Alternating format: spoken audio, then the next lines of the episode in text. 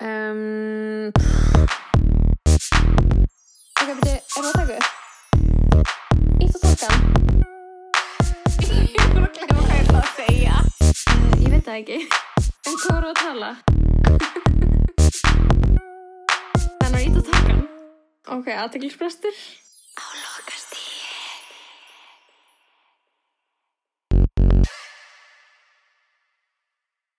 Jó, jó, jó! Ok, Velkomin í aðteglisbrestur lokastíð. Epíst, jó, jó, jó. Uh, Mér finnst epíst að alltaf að byrja, Jó, jó, jó. já, mér finnst það bara að setting the tone fyrir Mhm. podcastið. Veistu hver, veistu hvað mér langar að vera í að fyndi nokk? Hver? Anna Fabrega í þarna í Í Lossi Spookies. Lossi Spookies Mhm, Hún er svo fyndin. Hún er best. hún er þarna, please nenni að follow hann á Twitter hún gerir lang, lang, lang finnustu myndvöndin þú veist, ef að ég væri ekki ég þá myndi ég reyna að vera hún, skilur við en ég Já. veit ég get ekki verið fyndin eins og hún er fyndin en Mhm. húmórun hennar er einmitt eitthvað svona jó, jó, jó þetta er húmórun hennar, skilur en hún Ok. er lúðaleg ég Ok, við ekki, já, Lossi Spookies geða ekki þættir sem að við hérna mælum með. Núna er svo úrslega meðvitið um að hérna, fólk er alltaf að senda okkur og vera eitthvað og ég næ ekki að heyra þú veist, hvað þáttir ertu það að tala um. Núna verði ég eitthvað Já, áttu þættina, áttu þú við þættina Los Spookies L-O-S-bil E-S-P-O-O-K-Y-S já, Já, já, að fáanlegir á Mm. húlu efnisveitinni. Jú, jú, þetta Svona er- verði ég. Er eftir þér. ég er mjög meðvitið en, um þarf hlustanda. eins og ég ætti að vera sko. Já, já, þú ert duglegust en Mm. það er alveg svaka orku dagur í dag. Eða skilur er, þú þetta er alveg svakalega dagur í dag. Þú veist, Trump var að láta embætti og eitthvað.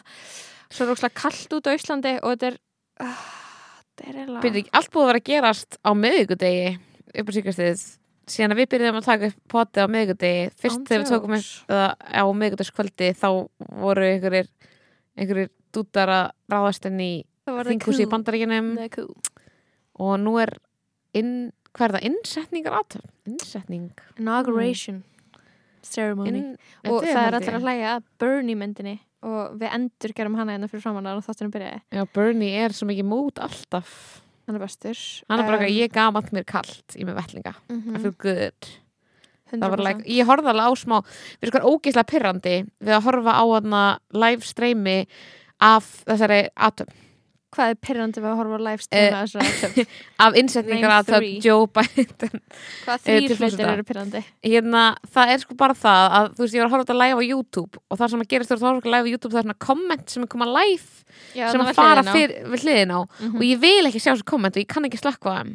En það eru hræðilega komment þetta voru allt bara eitthvað she's got a fat ass. Eitthvað svona Ok. unglingar að kommenta skilur og ég var bara eitthvað, vá, ég bý í heimi núna þar sem að unglingar og svona fólk að segja heimskulega hluti er svo present í öllu sem við erum að gera skilur hvað menna? Náttúrulega sko, úlingar eru virkir í haturs orðræði Ég bara, ég, hvað minn góður. Staðreins Ég er búin að vera að eiga versta samfélagsmiðla solring lífsmýns oh, Þannig að Ó, ég er, ég er bara ískilur, ég er skjálfilegri rútínu. Ef, ef það er eitthvað sem er til sem heitir eitthvað svona, þú veist good mental health day, þá er ég að gera þver öfut við það, ég er að gera skilur að allt sem þú átt ekki að gera mm til þess að liða vel, ég er bara svona að fara ógst að senda að sofa, ég er að vera á snjallmiðlum 24-7 snjallmiðlum? Já, og þarna og ég bara skilur, og ég er svona ég veit að það þú veist, ég veit að það er eitthvað það er búið að sakka, skilur Mhm. en núna er ég skilur þú veist, ég er á botninu mínum sko, ég Já. er á botn þú veist, ég er bara í algjörri þú veist, snjallmiðla botn hegðun bara svona, þú veist, þetta er bara svona og ég er að gera þetta og ég er bara að liggja upp í rúmi og mér er illt í hendinu og ég er svona, ég er bara eitthvað ég tók Já, þess að tíma þú getur ekki hægt, þú bara getur ekki litið undan get, þú veist, ég, já, það þú veist, það er alveg margar ástæður, ein er bara eitthvað svona ein er bara eitthvað e- algjör skortur og sjálfstjórn Mhm. og svo líka það er þetta bara þessi, þessi fíkni hefðun sko. Mhm. ég er bara fíkill og eins mikið og mér langar ekki að vera á snjallmiðlum þá bara svona þá bara, þú veist, bara ég get ekki skilur, ég get ekki lagt síman frá mér. Ég tók, tók mér þess að á einn túmbúti það laði ég síman frá mér í fimm minútur og tók svona eitthvað, svona þurr grátur svona bara því maður langaði svo mikið.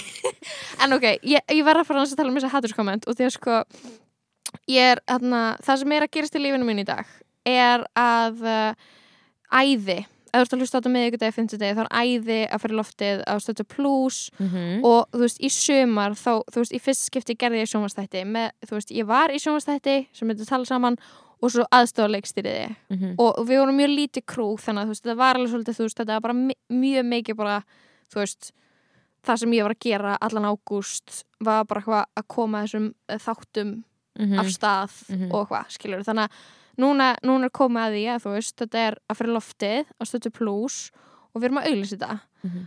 og maður þarf náttúrulega bara að nota snjallmiðlana Ok, býttu, eru snjallmiðlega eitthvað orð sem við erum bara að nota núna? Er það orð sem að er Ah, í Æ, ég veit ekki, veist, ég segi alltaf svo smett en ég er bara Svo svona, smett. ég segi alltaf svo smett þegar ég skrifa en þannig að Samfélagsmiðlar eru langt sko, mér er er svolítið gott sko, en þetta er svona ógíslega lúðalegt orð en ertu, ert, má ég halda áfram Já, halda áfram. ertu sátt með það? um, Já, halda frá sko, mér finnst samfélagsmiðlar vera eitthvað tongue twister, sko Já, ég sammála allavega, uh, við erum að nota snjallmiðluna og við erum að nota TikTok Mhm. og þarna, við erum með eitthvað svona klippur og strákanir í æði, binnibass og patti þú veist, þau geta postað og sett eitthvað í story Mhm. og eitthvað og þarna, hvergi á netinu posta ég, þú veist, ég hef verið á, ég hef verið á netinu, skilur mm -hmm. bitch, I've been online, Mhm. skilur bara, a, bara aggressively mikið sem þetta tíu ár, skilur bara, en núna er ég í fyrsta skipti bara að fá haturs komment en það sem er svo leð Á TikTok já, þú veist, ég er búin að vera að gera eitthvað svona æði TikTok og ég bara eitthvað er að fá frá okkur ógeislegum trollakántum sem ég bara veit að eru allir voru krakkar.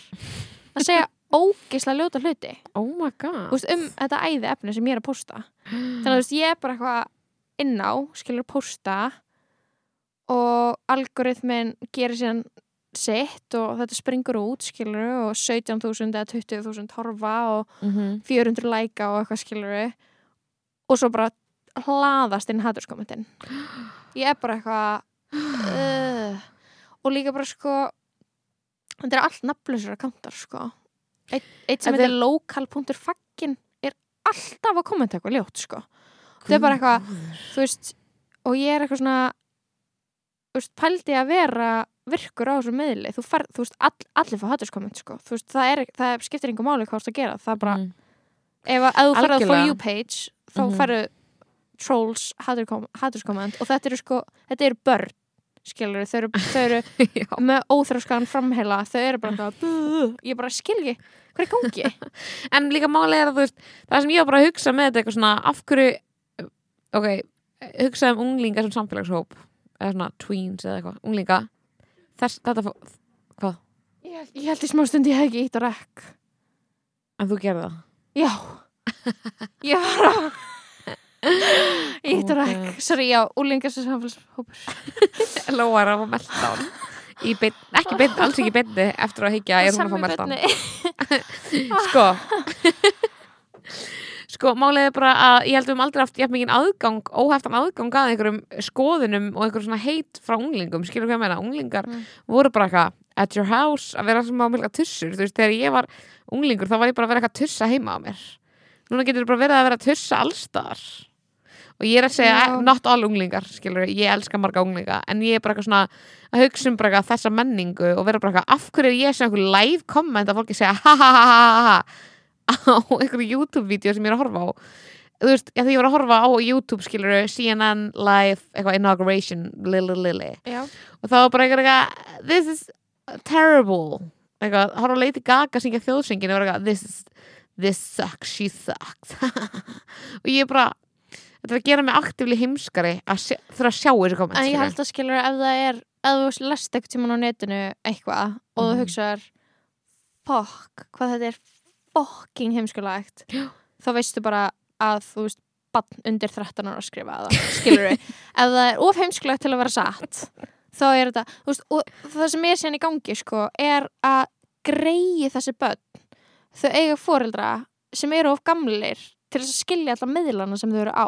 Já, þú veist, þetta er infuriating út í að sko þau vita að þau eru á TikTok Mhm. en skilur einn af hverjum hundra foreldrum hefur það einhvern veginn í sér að bara downloada appun og skoða. Já. Þú veist þannig að, og ég er bara eitthvað- ég er ekkert að tala um eitthvað 15 ára úlinga Mhm. þau eru, þú veist, jú, þau geta verið psycho en þau eru ekki 11 ára, Mhm. skilur og mér finnst svo styrla að vita því að skilur að þú leifir barninu inn að vera inn á okkur appi þess að það er að leggja í einaldi eða vera lagt í einaldi eða sjá allt rugglið sem er inn á TikTok, sko. Og sem fólk segir og sjá þessu orðræðu skilur já, og bara eitthvað, þú veist og, og þau, þú getur ekki einu svona downloada bara appinu, eða skilur bara Mhm. do the least, skilur.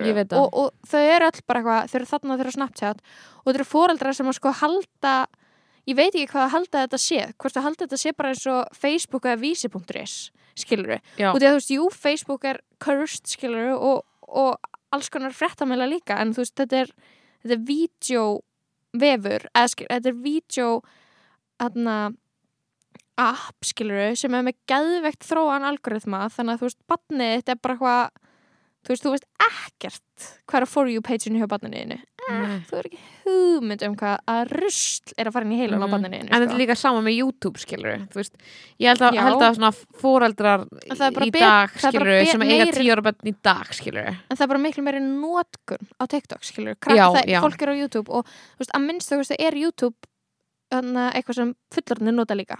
Mm -hmm. Þú, þú, En þú, þú, en- þú sér ég held að stærsta vandamáli sé að fullorðin skilja ekki algoritma. Skilur hún menna þú veist, þau halda að það sem þau sjá þegar þau fara á YouTube síðan sem barnið er sér, sér þegar það, það fer í YouTube sem er ekki í raunin. Já, þú veist, það er, að, það er svo geðvett stutt í þú veist, YouTube en TikTok alltaf meira skilur. En það er svo stutt í þessu súra hluti skilur. Ég er náttúrulega uh, clicks away. segway inn í hitt topicið sem er að ég horfði á The Social Dilemma í gær Vá, what a time til að gera það Æ, veist, það ég- er 20. 19. janúar Ég vil gera horfa á þetta mörgum mánuðum of seint sko alveg bara, ég, ég viljandi horfði ekki á Social Dilemma og því var eitthvað mér að fara að finnast þessi mynd pyrrandi ég Mhm. sá það bara á trailernum, ég var eitthvað svona það, hvað er að ykkur okkur þurfum við alltaf að gera allt svona fokkin asnalegt um, og þetta er alveg svona úst, það var svolítið mikið það sem ég held að þetta er þið Mhm. skilur, þetta var, þú veist, oh my god hvað ég þoldi ekki þú veist, Social Dilemma er svo satt heimildamöndum samfélagsmiðla. Mm -hmm. svona exposed um samfélagsmiðla og bara The social dilemma. Akkur sagði þetta um þessu rödd, þú varst með loftbólu. I'm gonna edit this out. Ég ætla, ég ætla ekki að Ég tek mér aldrei tíma í að klippa en ég ætla að klippa þetta út bara. Jæks Jæks Ok. The Social Dilemma á Netflix uh, heimildamund, klukktíma heimildamund úr samfélagsmiðla. Ok, hversu mikið cringe voru atriðin þar sem þau voru að leika fjölskyldu? Það var svo fælegt ah, ég var bara eitthvað, getur eitthvað komið og bara drepið mig núna, skilur, ég var bara ok, ég ætla að setja auðvitað bland bara, Líka, someone come kill allt me. eitthvað svona mamman að vera eitthvað við, eitthvað, allir við social media átak eitthvað set, setur síman í búr. Já, og lokar því ég hugsaði svona búr kostar smá mikið. Já, þetta var auðvitað get rich fjölskylda. Já, þau voru rich sko og hún hugsaði ég ætla að gefa búr fyrir síma. Sko, anna það var, það var eitthvað svona sem ég lærði í svona mynd sem ég, þarna, sem ég, ég held að ég myndi þau myndi fá okkur út úr svona mynd sem ég fekk ekki Já, en staðin fekk ég eitthvað annað. Ok. Ég held að þetta væri svona, fólk var að lýsa sig svona eitthvað, að maður horfði á síman sinn og var eitthvað ah, hendunum í burtu, skilur og Mhm. þetta var það fyrir sumum, ég gerði eitthvað svona smá ég gerði stats á Twitter í ger, eða tweetaði í ger eitthvað svona, hei, eitthvað hætti eitthvað social, social media eftir að hafa hort á social dilemma. Má, ég las ekki þetta tvít hann ég, ég las þetta sem hætti einhver á, á social media eftir að horfa á the social dilemma já, nei, þetta var ekki þannig, en takk fyrir að lesa allt sem ég segi með tussuröð Ég er bara að segja þér how- so, já. how you come across já, og, og svo veit ég líka eitthvað, önnur vinkon minn hætti og eitthvað. En þarna ég held þetta er eins og þegar allir horfðu á Já, og bara eitthvað svona, oh my god bara svona, nú bara, þetta var bara algjört call to action bara, já, ok, ég er hætt, skilur þetta myndi bara radikalisera mann, þú veist. Um, það sem ég vissi ekki er þú veist, ég veit alveg að síminn er alltaf að vera að halda mér engaged, Mhm. skilur, ég veit hann er, þú veist, maður veit hann veit allt um hann og þannig, þú veist, auðlýsingarnar og eitthvað svona, en ég var eitthvað svona vissi ekki alveg að þú veist þú veist uh, eins og þessu gaur með drettana hann er með bestu pælingarnar í myndinni. Gaurinn með drættana er oftast með bestu pælingarnar í er hverja heimildamind já, ok, ég veit, já. Hann var hvítum með þetta en hann var með góða punkta. En svo einhvern veginn svo þú veist, langaði mig að hætta og ég náttúrulega fóru sem að pröfu við fórum í bústæðum helgina og ég var ekki á Instagram. Já.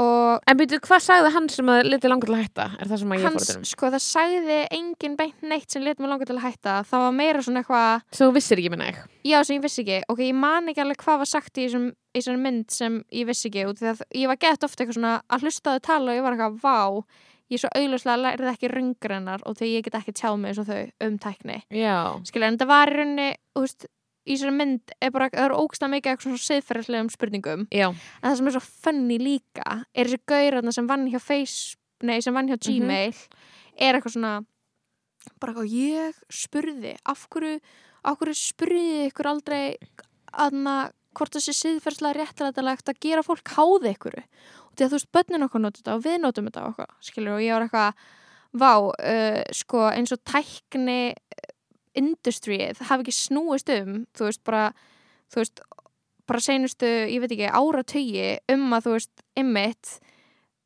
uh, komast hjá ríkisafskiptum Mhm. og vera eitthvað svona sjálfstæður industry sem að skilur fer ekki eftir lögum og er alltaf, veist, skrefin og undan í að disrupta og breyta hlutunum áður að, þú veist, áður en að löggefin getur catch up Já. og það var svo funny að heyra eitthvað, eitthvað svona típur úr Silicon Valley vera eitthvað svona að tala um bara, við þurfum bara regulation, Þa, Mhm. það þarf að vera til lögum þetta, bara ef, ef vera að framlega, veist, alveg eins og vera til lögum mat og vera til lögum þetta reglur, svo að það sé ekki vera að gera eitthvað sem að, þú veist, hana, hefur skadalega áhrif á eins notandan, skilur við, og það verið að tala um þetta ég var svona, vá hvað það er fyndið að þú veist, þú, ert- basically að, að lýsa, skilur við, hlutverki ríkisins Mhm. sem þau vilja að grípa inn í en þú veist hana, það hefur alltaf verið ógstlega mikið markmið að þú veist, ymmit bara eitthvað vera ekki regulated og vera eitthvað free zone skilur, Já, vera, já, já. veist, og bara eitthvað og, og öll þessi fyrirtæki, þau var svo snúast snúast ógstlega mikið um þetta, Airbnb og Uber skilur, og bara,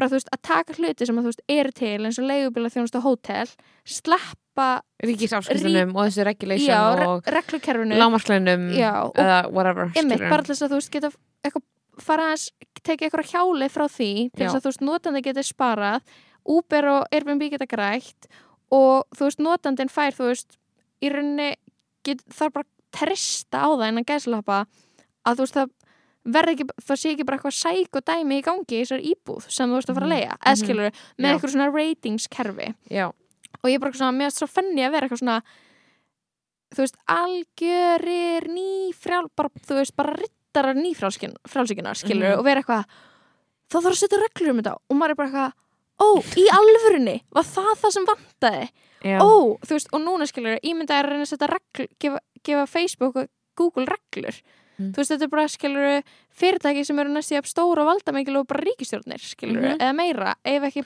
ef ekki meira, skilur ég veit það ekki, maður er bara eitthvað gangi ykkur vel, að vinda ofan að þessu, skilur Þessi gaur sem var eitthvað svona hafði sé ljósið sko, hann, hann fastar einu sinni í viku myndi ég segja. þessi gaur sem var eitthvað, found, eitthvað Institute for Humane Já. Tech?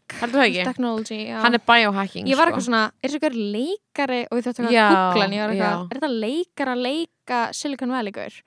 Já, því hann var svo mikil Sil- Silicon Valley gaur og hann var svona hann var algjör svona Wolf of Wall Street. Að ég veit ekki, eitthvað Samt svona ekki, ekki svo rauðfæraði Nei, innan, so, meira social network, sorry.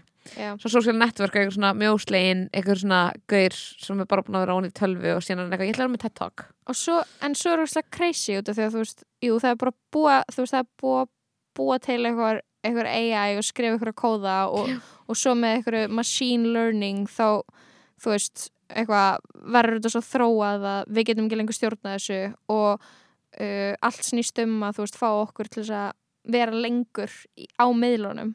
Bara þú veist, skjátími manns hefur aukist svo ógeðslega mikið. Mm -hmm. þú veist, það er svo ok, það sem vandamáli sem ég stend fram fyrir núna er að mér langar ekki að vera þú veist, fimm tíma á dag á samfélagsmiðlum.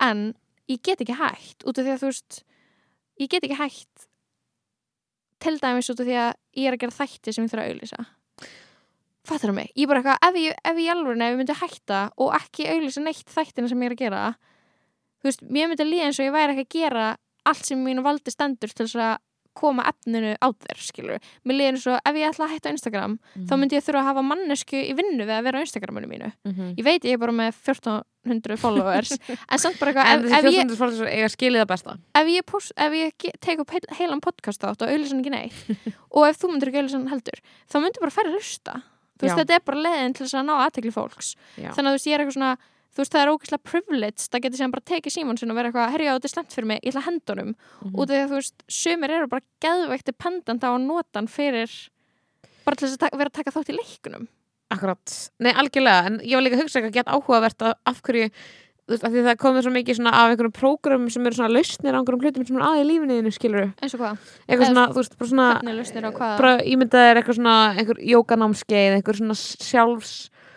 sjálfsfullkomnina námskeið, skilur svona Mhm.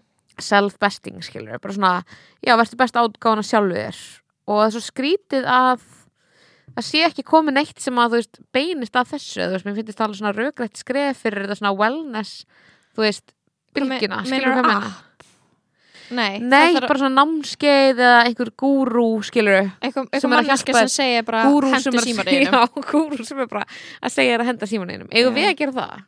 sko, ég þarna í alvörunni þú veist, þetta pyrra mig svo mikið út af því að þarna, við, er, við stjórnum ekki lengur þú veist, ég og þú, við erum ekki ná valdamæklar til þess að segja, herru, við ætlum að droppa þessum meðlum og fara yfir, þú veist, og við ætlum að búa til þetta hérna kerfi, skilur við ætlum að, Já, þú veist, við ætlum að hana, þið fáið send, þú fær brefudúfu þegar podcast okkar ready.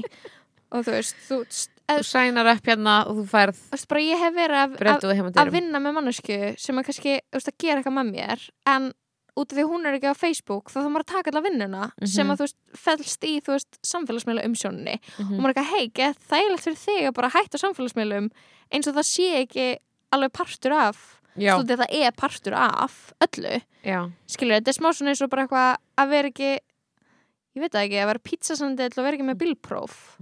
Vera eitthvað, herru, já, ok, ég vinn við þetta en þú ert að gefa mig far. Þú veist, þetta er bara eitthvað svona þannig að þú veist ein, ég er ekki að reyna að hljóma svona eins og gellan sem að er eitthvað búið til afsakanir svona, ég get ekki hætt út af þessu og þessu, þessu. Ég bara svona bókstaflega veit að ef ég hætt á samfélagsmiðlum þá bara veit enginn hvað ég er að gera. Já. Og ef ég er að gefa út efni þá verður fólk að vita. Mhm. það myndi ekki skipta mér einu máli að vera smiður eða skilur, ég veit ekki, fullt af jobbum þar sem maður þarf ekki að promóta á samfélagsmiðlum til þess að fólk vita af manni. Mhm. en þú veist, það er samt orðið, þú veist, ég- rithöfundar gera story, skilur allir gera story, Mhm. þó þú sért með bóka útgefanda, þú veist, við erum eitthvað svona eiginlega semja að publish okkur sjálfar. Já, en það er bara svona ég, bara, ég skil ekki hvernig ég ætti að gera þetta ekki heldur sko og ég meina ef að hlustundur er með svör þá bara erum við mjög til að heyra það. Ég var bara að hugsa, þú veist, af hverju er enginn komin með einhver svona töfralaust við þessu eins og við öll öðru? Skilur hvað ég meina, þú veist, þú getur farið í eitthvað svona,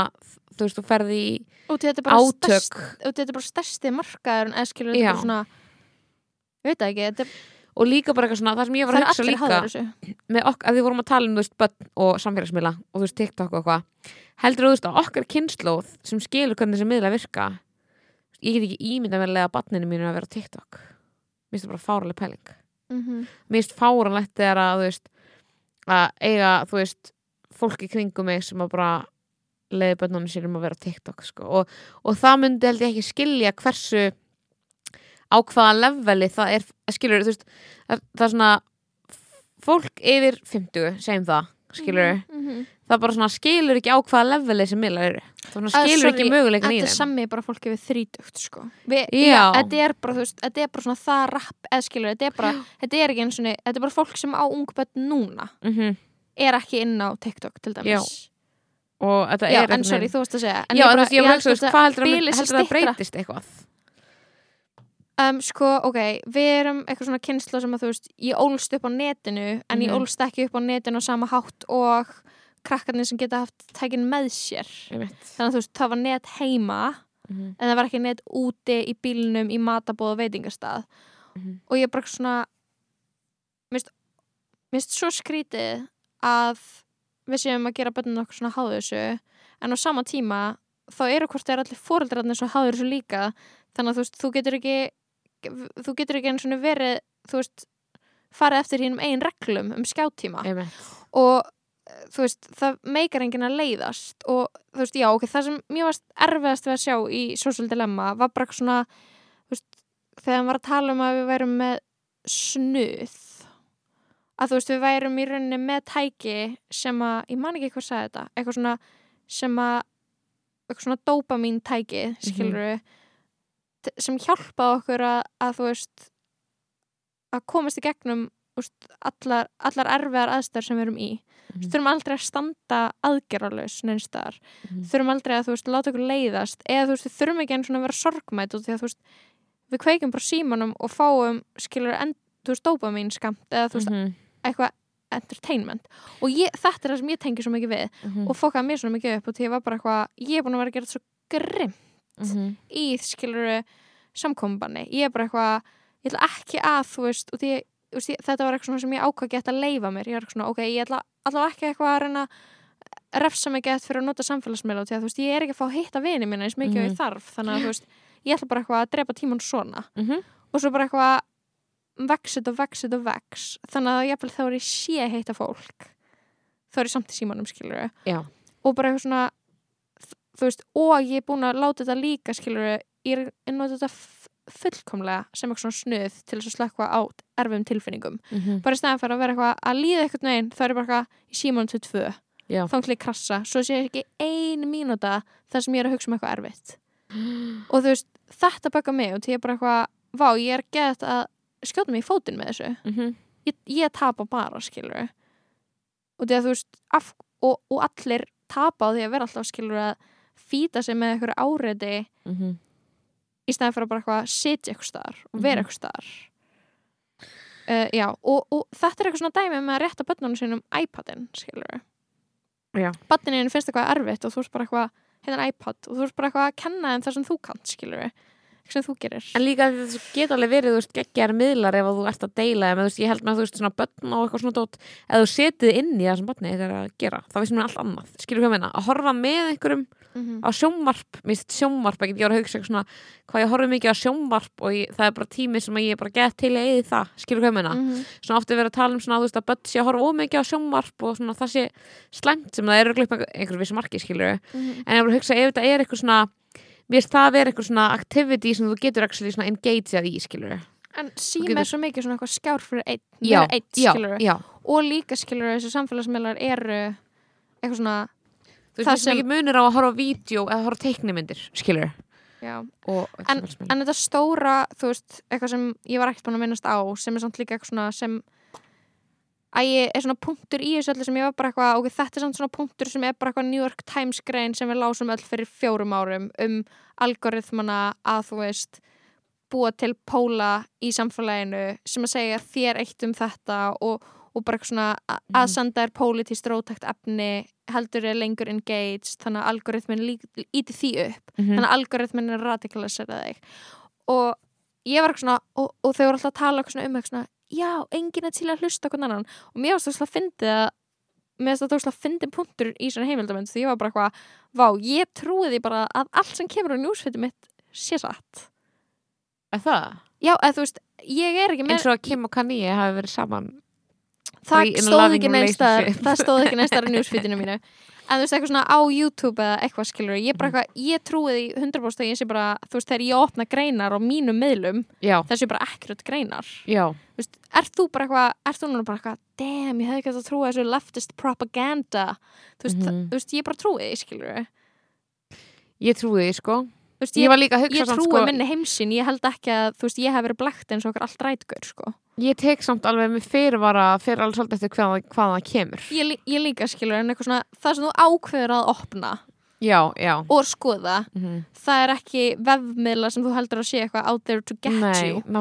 en, en já, mér finnst það svo fenni að vera eitthvað svona það eru tveir pólar og ég er eitthvað svona ég er bara heima, ég er bara eitthvað, einn pólinn hefur rétt fyrir sér já, já, já, veist, ég, mér, mér finnst eitthvað svona allt rætt og ekki allt rætt, þú veist, Antifa í bandrækjunum, Mhm, ég er eitthvað svona þau hafa rétt fyrir sér.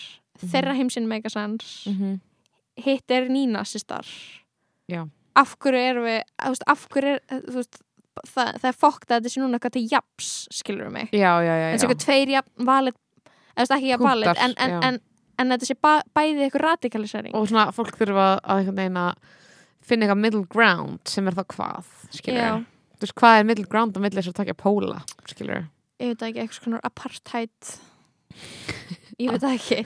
Uh, er það ekki eitthvað svona miðja sem við myndum örgulega líta á sem svolítið hægri?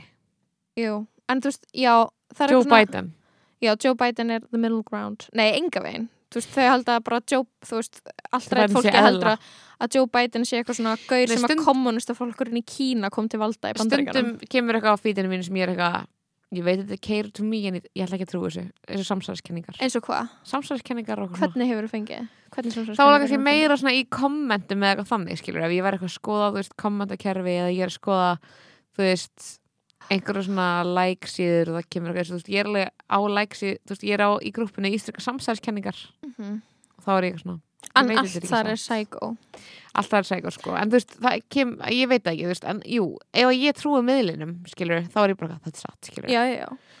Algjörlega En og þú veist, ég, ég var í fjölskyldubóðum daginn og frendi minn er bara eitthvað það er en, líka hann er bara eitthvað, en af hverju trúur þessum miðlum? Og ég bara, ha? og við erum alltaf bara eitthvað ha, hvað meinar okkur myndi ég ekki trúa rúf? Eða skilur já, hvað, hvað meinaru en þú veist, það er, það er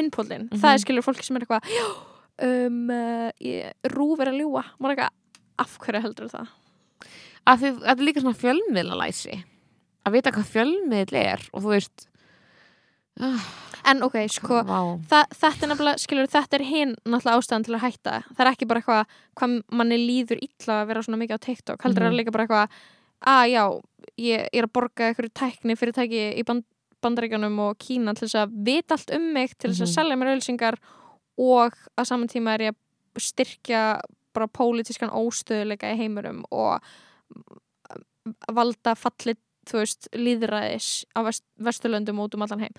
Þannig að þú veist, þetta er náttúrulega mjög góð siffrislega ástæða og þú veist, bara ríkari ástæða til þess að hætta á Instagram og Facebook heldur en, ég veit ekki ég er bara rík ástæða að hætta að vesla með Amazon skilur og vera vegan. Algjörlega, ég er endar mér finnst þetta að Facebook sé svona minnsta fíknin mín, sko, það er minnsta fíknin en hún er alltaf á Instagram. Já. þú veist, þannig að þetta er bara einhvern veginn nákvæmlega. Ég, ég veit svona ekki alveg hvað er svona mesta skilur, ég held að sé bara eitthvað svona líka ógustlega mikil eitthvað svona samskipti og vera alltaf í símanum, sko, svolítið fyrir mig. En það er eitthvað svona það er ekki eitthvað svona einn miðill, skilur ég, það er bara svona að vita bland- hvað allt er já, hvað allir eru að tala um hvað allir eru að pæla hvað Mhm. allir eru að gera 100% og þú veist, að einhverjum tímapunkti þá hefði maður bara, veist, þetta er að sama í manni og maður var eitthvað tíman alltaf bara eitthvað að lesa ykkur fréttir Mhm. þannig að En- núna er maður bara eitthvað að lesa einhvern veginn það sem allir er að segja um allt og að mann langar að skera úr sér augun á meðan sko. ég líka, þú veist, svo mikill masokismi ég var líka að hugsa skilur af því að ég veginn hef hugsað eitthvað, vá, ég myndi aldrei, þú veist, gefa barninu mínu iPad skilur, Mhm. en á sama tíma er þú veist, ég í símanum og þú veist, mér finnst það líka alveg fárlegt að vera eitthvað svona því að ég er þú veist að vera með eitthvað að gera sterkar skoðun á því ef að ég ætla að vera, auðvitað vill hún fara í síma eða skilur, þú veist, barn mitt skilur, er eitthvað, þegar hún er eldri? Nei, þú veist, ég meina bara svo núna skilur, það er sem ég gett skeri þú veist, að fólk er alveg, þú veist, með börn sem eru eins ás skilur, að láta í iPad eða eitthvað skilur okay. og ég skil alveg að barnið mitt sjáu mig með eitthvað skjá og vilji, hún reynir að ná honum skilur mm -hmm. og eitthvað, auðvitað gerur það því að við erum alltaf með þetta skilur Já, þetta er bara gett spennandi litir og þetta er bara sálfræðilega hanna til þess að gera þið háða. Allir takkanir já og þá er ég eitthvað svona, Og- ok, hvað þú veist hvernig get ég einhvern veginn, það verður já, maður verður bara að hætta þessu. En ok, eitt sem ég var líka að pæla er eitthvað svona ok, nú þarf ég að ég þarf að köpa með tölvu. Eða fá minni, ég, ég veit ekki við vantar tölvu, Ok, tölvu er er á tölvunni? sjö ára gömul. Er hún er sko, þetta er makki og hún er sjö ára gömul. Ég held að hún sé bara svona hún er bara svona að, þú veist, deyja á random tímum skilur og Ok. ég hef skipt um batteri einu sinni og það virkar í takmarkan tíma. Ok, og ég held að hún sé bara eitthvað að gefast upp skilur, ég er ekki að segja að það að gerast núna en ég hugsaði um daginn eitthvað, ok heyrðu, ég ætti að fara að skoða það að fá mér nýja tölvu.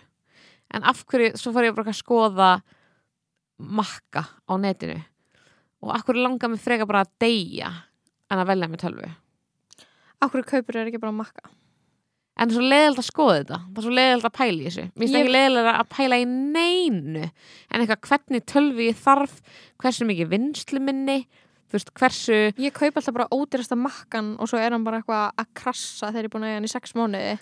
En ég er bara, en þú veist en akkur, oh, ég bara, ég, sko. út af því að ég nenni ekki að hugsa um það og ég nenni ekki að vera eitthvað nördi með eitthvað Android fucking forritara tölvu. Ég ætla bara að vera með Apple og því að þú veist, maður langar ekki að fólk haldi að veist, það sé vond lykt að mér og þú veist, og ég þú veist, fucking sé að forrita allan daginn, skilur ég held bara fólk haldi að ég notist tölvuna mína í að opna Twitter, skilur en ég, er það, bókstæða að já og, um já, og opna nótskjál ég sem er stendur það ekki það sem þú ert að gera? hvað ert að gera annað? ég er með nótskjál, þetta er það sem ég gerir í tölunum minni. Það er nótskjáls, hérna, það stendur píkukerti hennar, hennar Gwyneth Paltrow já, og svo stendur ok, spurningamarki það er og a og sé hatur. Þetta er punktandi mínu fyrir po- potið. AOC hatur. Og ég var hrættum með AOC þegar það var að ráðst í þingu þá var ég eitthvað protect her. Æ, mér fannst allir svo gauður svo fucking miklir eitthvað ég var eitthvað svona, oh my god, ef þessi gaur myndi koma nálægt mér, þú veist, ég væri ekki hrætt sko. hann á, á og þessi- PC tölvu allir þessi gauður voru bara hann Eitthvað- feldi hann á PC eitthvað sko. annað hann, á- hann á vanhæfir, sko. hann á bara bortölvu ó, ég sá þarna eitthvað að þeim vera þarna eitthvað komnir inn og vera eitthvað ó, ég sá að þeim ég fylgd með löggu og gaurinn setjast í þingsætið uh. ég var eitthvað svona, hvað er í gangi þarna og löggan var bara svona get friendly löggan slags örgisverðurinn ég bara eitthvað, uh, fuck. en þú veist, ég hef aldrei séð þetta mikið cringe, en en ég, sko, já, en svo er það líka bara eitthvað svona það að ég er skiluru háð uh, ég er ekki að tala um þetta eitthvað svona háð social media en líka bara þegar þú- velur þér annað leið skiluru, Mac eða ekki Mac í rauninni, ok, þá ertu bara búin að læra á það. Og þegar ég er í ert með PC-tölvu í iCloudið vinninu minni þá langar mig að deyja líka. Þú veist, mér langar hvað- að deyja þegar ég er í PC-tölvu guð minn góður ég, þú veist, þurfti að opna eitthvað, eitthvað tölvu eitthvað Excel-skjali tölvu í vinnu í gær og ég eittu öllu eftir eina sekundu og mér hefur tekist hvert einn skipt sem ég snerti PC-tölvu að einhvern veginn lokka mig út þannig að sé ekki að það hægt að lokka sig aftur inn og líka skilur eigða skjali. Svo ertu í tölvunni að þú ert með dauða óska þú ert í PC-tölvu skiluru Já, þú ert bara en- svona, en þú veist, auðvitað andlegt ferðu ástand þér- skiluru auðvitað ferði makka því að þú veist með iCloud. Þetta er bara svona, þú gekkst í þetta lið og þú bara getur ekki að fara út úr því. Þú veist, verstu sjö mánuður lífsmins var þegar ég átti Android síma þau voru það, ég mun aldrei gleyma því þau áttu andra síma það var svo mikið sjálfshatur í gangi Þér leið sko. svo illa á svo mörgum levelum. Mér leið ógisla, ég var að taka ógisla myndir. Fólk var fólk engageaði ekki við kontenti mitt og því að það var eins og ég væri að senda þessi fokkin story úr örbíkjófni eins og símaðun var í nýstlu þú veist. Bara þannig að þú veist, nei, ég, ætla, ég mun aldrei gera þetta aftur. En má ég segja þér hvaða hvaða lúpu ég festist í nótt? Hverri, er hvaða? hvaða lúpu? um, sko, ok. Ég er að reyna að byrja frá svo kl. 12 þannig að ég horfði svo svolítið lemma í gær og svo verið eitthvað, nú fer ég að sofa. En þá bara eitthvað fer ég á TikTok skilur og þannig að núna veist þú hver Claudia Conway er? Já, ég ætla að útskýra fyrir stundum ef þau eru ekki viss Claudia Claudia Conway. Conway. Sko, þannig að mamma Claudia Conway er Kellyanne Conway, pappin er George Conway og Kellyanne Conway styrði kostningabráttu Trump. Mhm. og hún er fyrsta konan sem hefur hana, styrt sigursælli kostningabráttu bandarækjaforsta mm. og hún er bara hæri hönd Trump þangað til í ágústi fyrra hún sem sagt fer í þessar 2016 elections uh, það hefnast og svo er hún skilur ég veit ekki nákvæmlega hún er ekki, ég ætla ekki að segja hún hún er mögulega fjölmiðla fulltrúi Trump meðan hann er fórseti nei, það Já, er, hún, fjö, er hún- mikið Steve- Steve Bannon og hún. Skilur Já. Steve Bannon og hún skilur voru eitthvað í þessu saman Mhm. og hún er bara satanísk, Mhm. þessi kona hún bara svona auka hægri bara kom Trump til valda skilur og hún lítur út og bara eitthvað ansettin ljósvært kona ok, dóttir hennar er bara er TikTok fræg Mhm. hún er með eina hálfa miljón followers Mhm. og þarna og ke, kemst fyrst í fjölmjöluna þegar hún skilur byrjar að tala um mömmu sína. Mhm. þessa f- mjög frægu og valdamiklu konu í bandaríkjanum og þarna hún er að tala um sko abuse sem hún verður af hennar hálfu. Heimilsofbaldi mamma hennar hættir að vinna fyrir Trump. Og örgulega bara sagt að hætta veist, En býtu, en var þetta ekki, þú ert kannski að fara að tala um það þegar þið fengið COVID? Jú líka það. En þú veist, hún, Kellyanne Conway fekk COVID og ég svo TikTok frá þessar stelpu fyrst þá þegar hún var að lýsa því að, hérna, að mammenar hefði komið heim með COVID og smitað alla á heimilin af COVID Já, mamma hennar skilur smitaðist sannlega af Trump og smitaði alla heimilina af, af COVID sko. Mhm. það var held ég í ágúst í sömar Já, og einmitt. eitthvað svona, en, en hún er skilur ekki bara veist, en hún er samt búin að vera sko outspoken gegn Trump sem sagt dóttir hennar í, og, og vinnunni sem mamma hennar vinnur alveg frekar lengi og mamma hennar snýri þessu þannig í fjölmjölum spinnaði þessu þannig að dóttir hennar þú veist, dóttir hennar uh, það er svo erfitt að því þessu orði yfir íslensku ekki speaks out en er svo þetta búin að opna sig um heimilisofbeldi Mhm. en mamma hennar spinnir það þannig að dóttur hennar sé bara eitthvað svona crazy úlingavekur úlingur sem Mhm. að er ósátt með að þú veist, fílar ekki Trump Já, þau var öll veik COVID og hún hættir að vinna fyrir Trump og, og svo er annað, annað hliða plotline er að þú veist maðurinn sagt pappi Claudiu Conway maðurinn hennar Kellyanne mhm. er búin að vera outspoken anti-Trump síðan 2018 George Conway og en hann er líka hann er svona republikani sem varð síðan independent og þannig að þú veist þau eru gift hún vinnur fyrir Trump eiginmaðurinn hennar outspoken á Twitter og í fjölmjölum anti-Trump. Þetta er svo Og- skrítið og heimilsald svo er sko mjög svo er held ég ár síðan eitthvað að pappin fer. Og allavega um, það sem gerist í gærnótt ástæðan fyrir ég fór svona sent að sofa er að hún, dóttirinn hún er 15 ára 16 ára, hún er 15 ára postar vídjóum af mömmu sinni að öskra á sig. Og hún postar og postar og postar og hún er með endalust hún er bara með receipts hún er, með bara, hún er bara með mömmu að ógninni líkamlega öskra á sig. Oh og bara, þú veist, þetta bara verður instantly skilur væral og allir í kommentunum eru bara eitthvað ok, ég er ógeislega hrættum þig. Bara, og, og bara eitthvað getur þú hringt á lögguna, getur þú hringt á barnaðandaremt Mhm. Eða CPS, Já. Child Protective Services. Og hún er bara eitthvað uh, hún er bara eitthvað, þau ger ekki neitt mamma mín er valdamikil, bara ég fast í þessu húsi. Og það er allir eitthvað, getur þú emancipatað? Og þú veist sem er eitthvað að reyna að komast undan forræði fóröldur sinna. Mhm. og hún hefur svo drengt það áður, það virka ekki neitt. Um, og svo sýnir hún eitthvað svona SMS frá pappa sínum þar sem að hann er að ignora hana og hún er bara eitthvað, þú veist, mér þess að pappinar er ekki að standa með henni. Þú veist, pappinar er bara farinn og hann er ekkert að hugsa um að koma henni frá þú veist, þessari óbyldsfulli konu. Oh my god. Þannig að þú veist, mamminar er að öllum líkitum þú veist, um, narcissisti malignant narcissist. Mhm. og hún er bara með, hún er bara posta, posta, posta. Og svo seg, svo í morgun þá er lögga mætt til aðtöða hvað sé í gangi hjá þeim og þá er þá er mamman bara eitthvað já, ægi, þú veist, þetta er svo erfitt. Við ætlum í fjölskyldu therapy og, og löggan stingur upp að því í vídjónu og því að þú veist, Klóti er að þú veist, taka allt upp, löggan er bara eitthvað já, þú verður bara að taka af henni síman þú veist, því að hún er bara það valdamægil að hún getur alltaf spinnaði þannig að dótturina sé bara sabotage og vera crazy. Mhm. og þú veist, það getur engin stað upp í hárun á henni. En hún er bara eitthvað það sem er svo styrla þessu öllu saman þetta er allt í bytni útsending á TikTok. Já. Og líka bara, bara líf svona, þessara fjölskyldu. Líka bara hinlegin á þessum að tala með eitthvað unglinga á netinu skilur er, þetta er eitthvað svona hennar eina þetta er eitthvað svona vopn sem hún hefur sem að þú veist ég held að fóreldrar hennar skilji þú veist, átti sér ekki á skilur það það er bara svo crazy að vera að fylgjast með þessu og sjá úst, í þessum myndböndum hvað mamma hennar er vond við hana.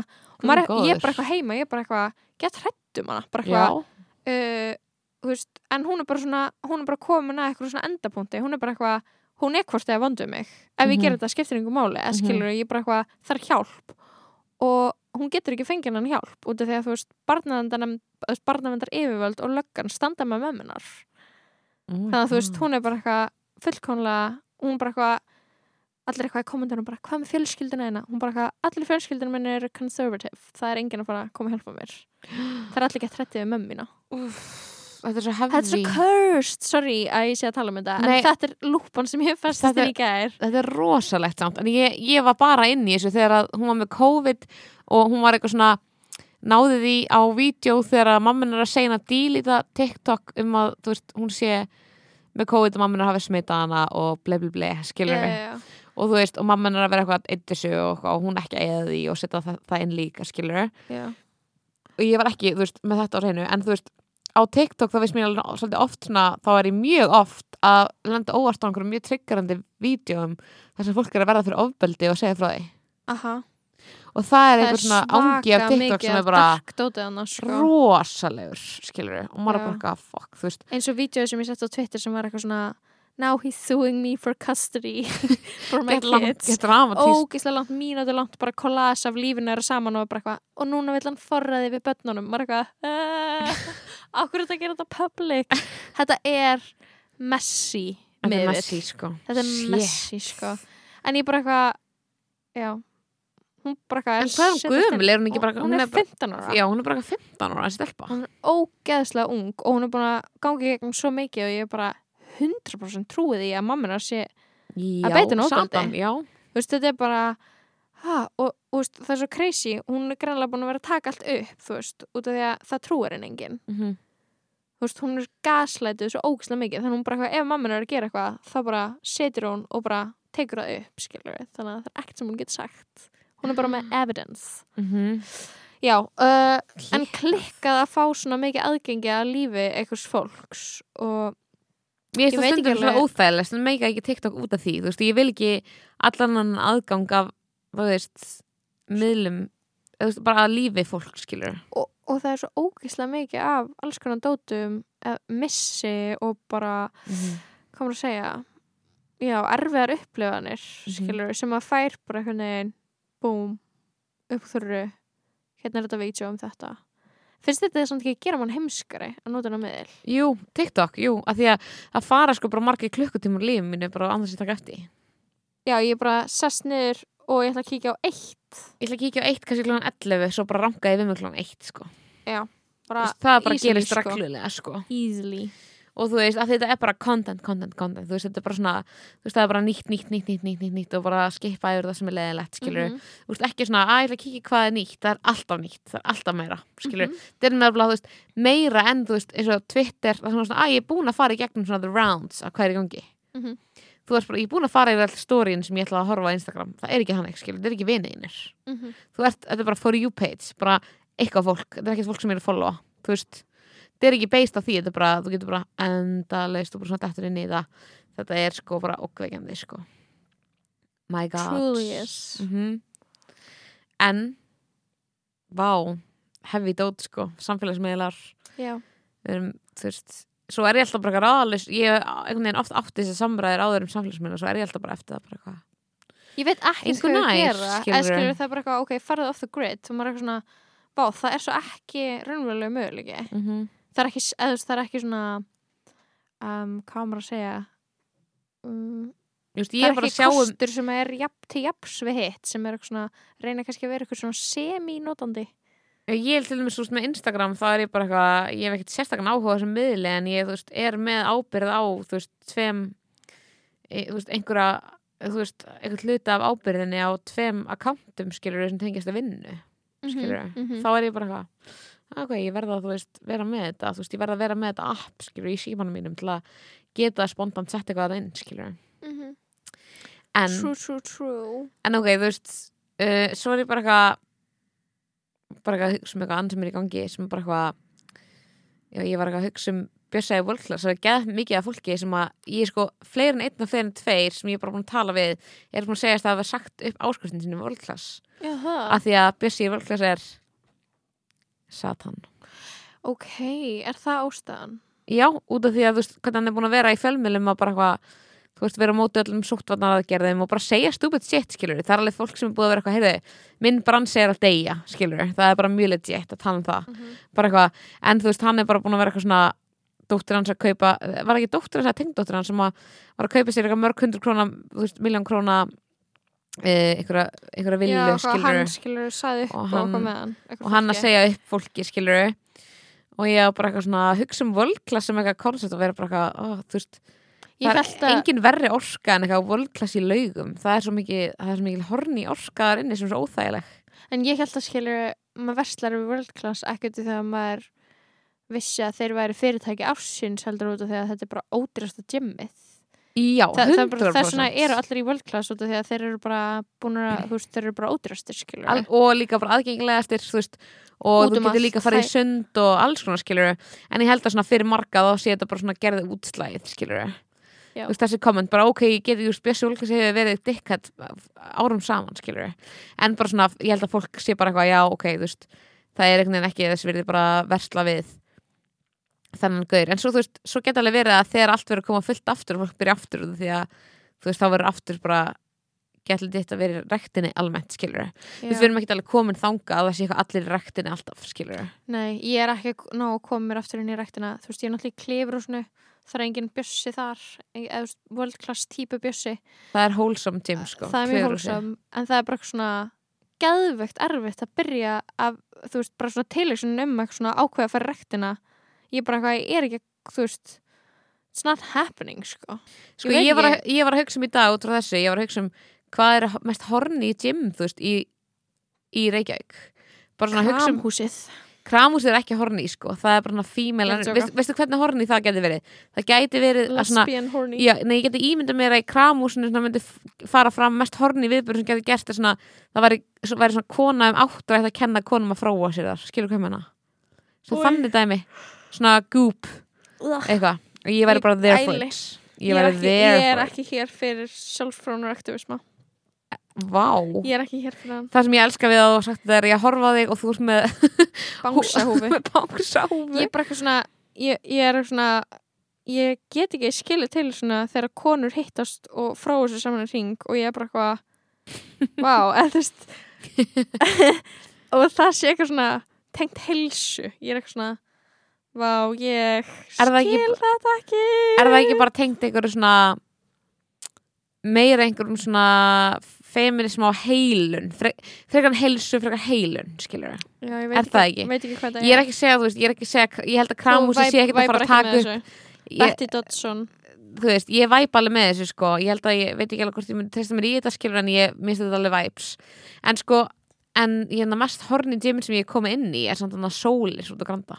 Sólir, hefur þú farað oh my god, það er bara mest cursed upplifun sem ég hef átt Salka. Já, en finnst þér ekki mest horni gym sem að, veist, á Íslandi þú veist, af hverju er svona horny energy þar sko, ok, gaurinn með, þú veist, mandölu tattúð á bakinu sem þarf að vera að bera ofan Mhm. by law sko bera ofan og, og þú veist í Dripping. skiljið þú veist þannig að, þannig að hann er í svona oh basically nærbuxum skilur God. að því þannig að, að hann vill að þú sjáir the bulge sko, og ég bara og hann er sveittur og síðan er svona gæla að kenna ég er og hún er svona asexual spengileg og hún er einhvern veginn uh, með full make-up.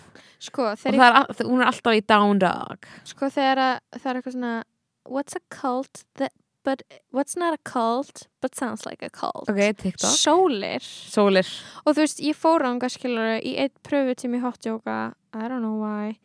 Og þú veist, ég var eina manneskjanana á svona Tómasi sem var í venjulegum stuttunumaból allir henni voru búin að fá eitthvað assigned neon spandex drasl það voru allir í neon gulu, neon bleiku neon fjólubláu hljómar ekki eins og yoga gym Nei, en samt varða, skilur og svo er konan og hún er með mic hún er mic'd up. Mm og hún talar ennsku gett mikið að ykkur Mm. hluta vegna eða eitthvað svona já, ok, þú veist, hún er að gefa leiðbendingarnar og, og, og gaurinn eru allir búin að rífa svo úr ofan, þeir eru allir með eitthvað hippatatú og þetta er samt einhvern veginn lóki allt einhverju millistjórnendur og svo eru þeir einhvern veginn svo endar, endar þarna hotjókutímin I love you, I'm sorry, please forgive me. Og ég bara hvað, hver? Við hvernig er ég að segja þetta? Og segja þetta í kór.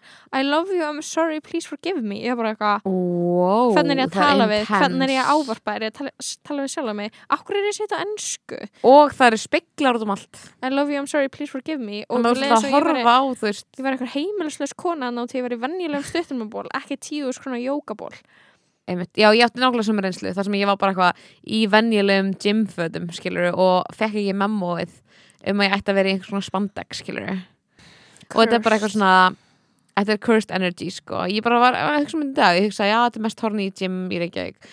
Og eftir því er Class laugum að lóta þessu málverki með svona fullt af eitthvað horny fólki sem er í laugum, reysa, málverki Mjölnir. Mjölnir. Er mest svo Mjölnir er CrossFit. horny. Ég ég hef ekkert farið að æfa í Mjölnir eitthvað mikið þú voru að Ok, veist það bókstaflega horny farið einu sinni En þetta er það sem ég hef heyrt. Og örgulega líka svona crossfit stöðvar. Já, En klifur og seg er ekki á topp 10 listanum um mest horny gym. Nei, En klifur er samt svona ekki algjör, kramús heldur. algjör svona, mitt gym. Klifur er algjör svona íþrótt sem það ákveður að fara í eftir break-up. Þú veist, þegar þú ert single og þrítur Svona, "Ó, ég kannski fyrir klifur, kynnist Þú veist, Þannig að fólk er alveg svona Ef fólk er að lausu í klifurið þá er það svona í því að byrja saman sko. já, svona kli, kliður byrja saman. Já, þú getur sko eiginlega ekki byrja með neinn þú veist, kramús er svona 99% konur. Þannig að þú ert ekki lesbía eða bi, eða open for that já. þá, þú veist, þá ert ekki fara að byrja með neinum sko. það er svo platónsk orka í kramúsinu En þú vilt líka ekki byrja með görnum sem að mætir í kramhúsið eina görnum. Það er bara gaur sem er með mandulu tattoo skilur og hann er aðeins of tengdur inn, sinni innri konu geðju mm. hvað er ógæslega toxic að segja þetta. En ég bara svona ég, get, ég, ég held að skilur ef, ég, ef það er ein típ af gaurum sem myndi aldrei fara í þá er það hippin. Bera ofan hippin með Mm. mandulu tattooið já, sem, með, sem er með þú veist uh, getur ekki hægt að tala um innlandsferðina sko, sína. málið er ég sammála á þeim forsendum að þú veist mér finnst þetta að vera svona ákveðin svona hættuleg típa sem er svona, sem er svona típa, sko. sem er svona búið að skrifa stundargreinum skilur við, mm, mm af því hann er að fara að bjóða þér í kakoseremóni og hann er að fara að segja, hann er að fara að nýta sér að þú sért þú veist, svona á viðkvæmu tíma í lífiðinu skilur og nýjórðan edru eða eitthvað og hann er að fara að, þú veist einhvern veginn ég er náttúrulega nýjára netrú svona koersa þig til þess að svona deila of miklu um kynlífsöguna en að einhverju kakoseremóni í ferð Já, þetta er eitthvað svona dæmi það sem hann er skilur eitthvað, ég get ekki átt ég get ekki átt í samskipti við to toxic fólk, ég verð að kvætta allt toxic fólk út í lífið mínu. Þannig að þú þú, ef þú getur, getur ekki að hreinskilja við hann og þegar þá myndi hann cut you out of his life svona þannig hann bara svona allt er í flæði. Ú, eitthvað svona, erum við að deyta? Nei, þú, þú getur ekki vita það kemur ljós ef það er í kortunum uh, ég þarf að lesa telöfin að ég þarf að draga tarotspil um það hvort að við getum verið eitthvað en orkan mín er að tengjast orkunni þinni. Bara kill me. Já. en þessi gaur fyrir ekki í kramhúsi hann fer í sólir 100% hann fer í jógastöðunar sko. Kannski er hann samt í kramhúsinu. Ég veit ekki, ef það er eitthvað gaur í Sko- kramhúsinu þá er það kannski þessi gaur. Ég held nefnilega að gaurinn sem fyrir kramhúsi er það er ekki tónheilin í kramhúsinu nefnilega að það er meira svona eldri energy í kramhúsinu. Þannig að hann er sko í þú veist, hann er, hann er meira í skili þú veist, kallar sem fara í kramhúsið uh, eru þú veist í kalla jóga sem er mjög kjút, sem er svona 50 kallar okay. í jóga saman sko, þannig að Ok, það er alveg vægt en málega er þeir eru ekki. giftir skilur þeir eru giftir þeir eru bara svona þú veist, ready to cheat. þeir eru bara veit- þeir eru ready to cheat. Mér er staðalega hólsam sko en það er jógastöðuna sem ég er hætt við sko. Sko, þess, þessi típa hefur alveg verið í klifur og, svona, og ég tek bara svona ég tek bara fimm, ég tek bara svona sveig framhjum, ég veit að þeir eru ekki fíla mig ekki, skilur við, myndi ekki reyna Mhm. Nei, mig, en ég vil ekki verið kringu þá. Nei, veist, ég algjörlega. vil ekki eitthvað nefn úrst, þannig að ég bara get það ekki ég get ekki, get ekki uh, hlusta á gaur. Þú veist, ég bókstala var einu svona klifur svona að segja, bróðum minn var að spyrja mig hvað er eldi kvöldmat? Og ég sagði ég ætla að fá mér eitthvað sem er með kartöflum í. Og gaur sem er bara tíu metrar fyrir aftan mig er bara ekki part frá samtalinu. Er bara eitthvað þegar ég var í Índlandi þá borðaði ég ótrúlega mikið af kartöflum og ég var bara eitthvað bro. Bara, þú veist, í óspyrum fréttum. Bara í svona í svona, svona í svona tank top, það heitir ekki tank top það er gaurið í því. Svona ermalösum ból með svona hálsmál sem að nær hálfalegin er að nafla af ykkur ástæði þetta, þetta er versta flíkin. Já, og ég er svo ógeðslega mikill menn heitir í dag. Ég bara svona samt einhvern veginn gerði enginn kallmaður með neitt í dag. Ég fór, ég fór öfum meginn fram úr.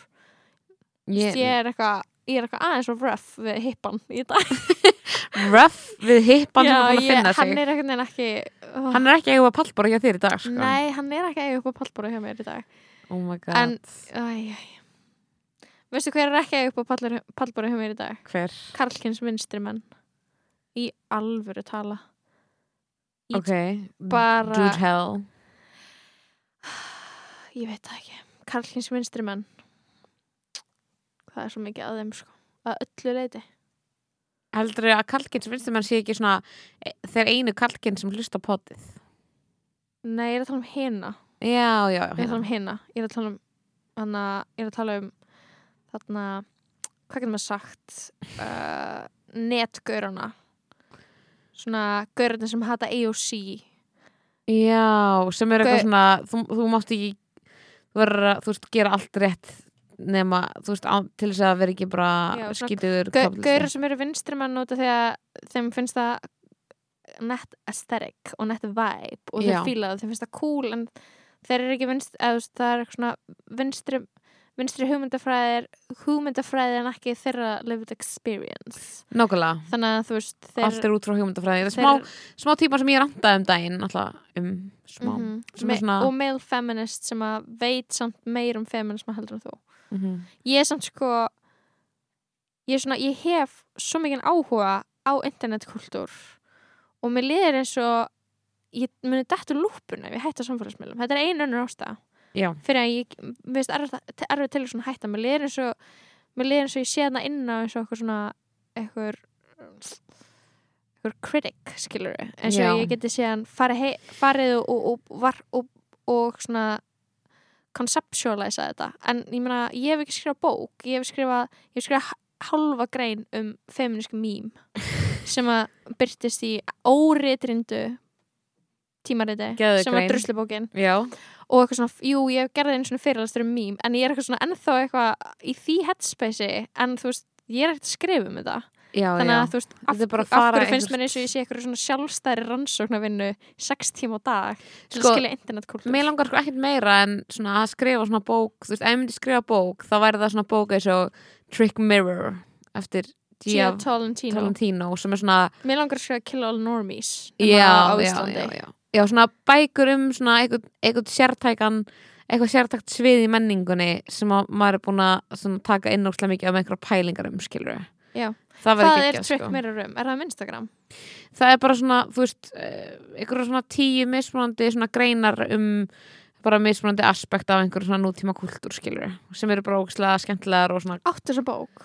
uh, nei, ég átt hana á um, Kindle Kindle Sko, ef fólk verslar ekki við World Class út af Bjössa í World Class Hvað með Bjössa í- Kindle og ég Jeff veit Bezos? ég veit það en þú veist, það er líka bara svona markað svona dæmi hvað hva maður að gera þú veist, ég geðu ekki til í alternativ til þess að þurfi ekki að versla við Amazon með Kindle skilur Mhm.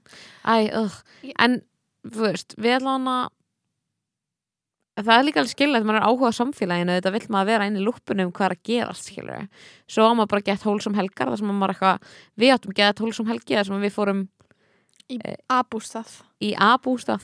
Og við vorum alveg í símanum. En þá er ég að reyna að vera Instagram-laus og það var alveg næs. Mhm. því ég fekk síðan alltaf minn og minni þörf til að kíkja. Og ég er alveg búin að kíkja minnst á Instagram.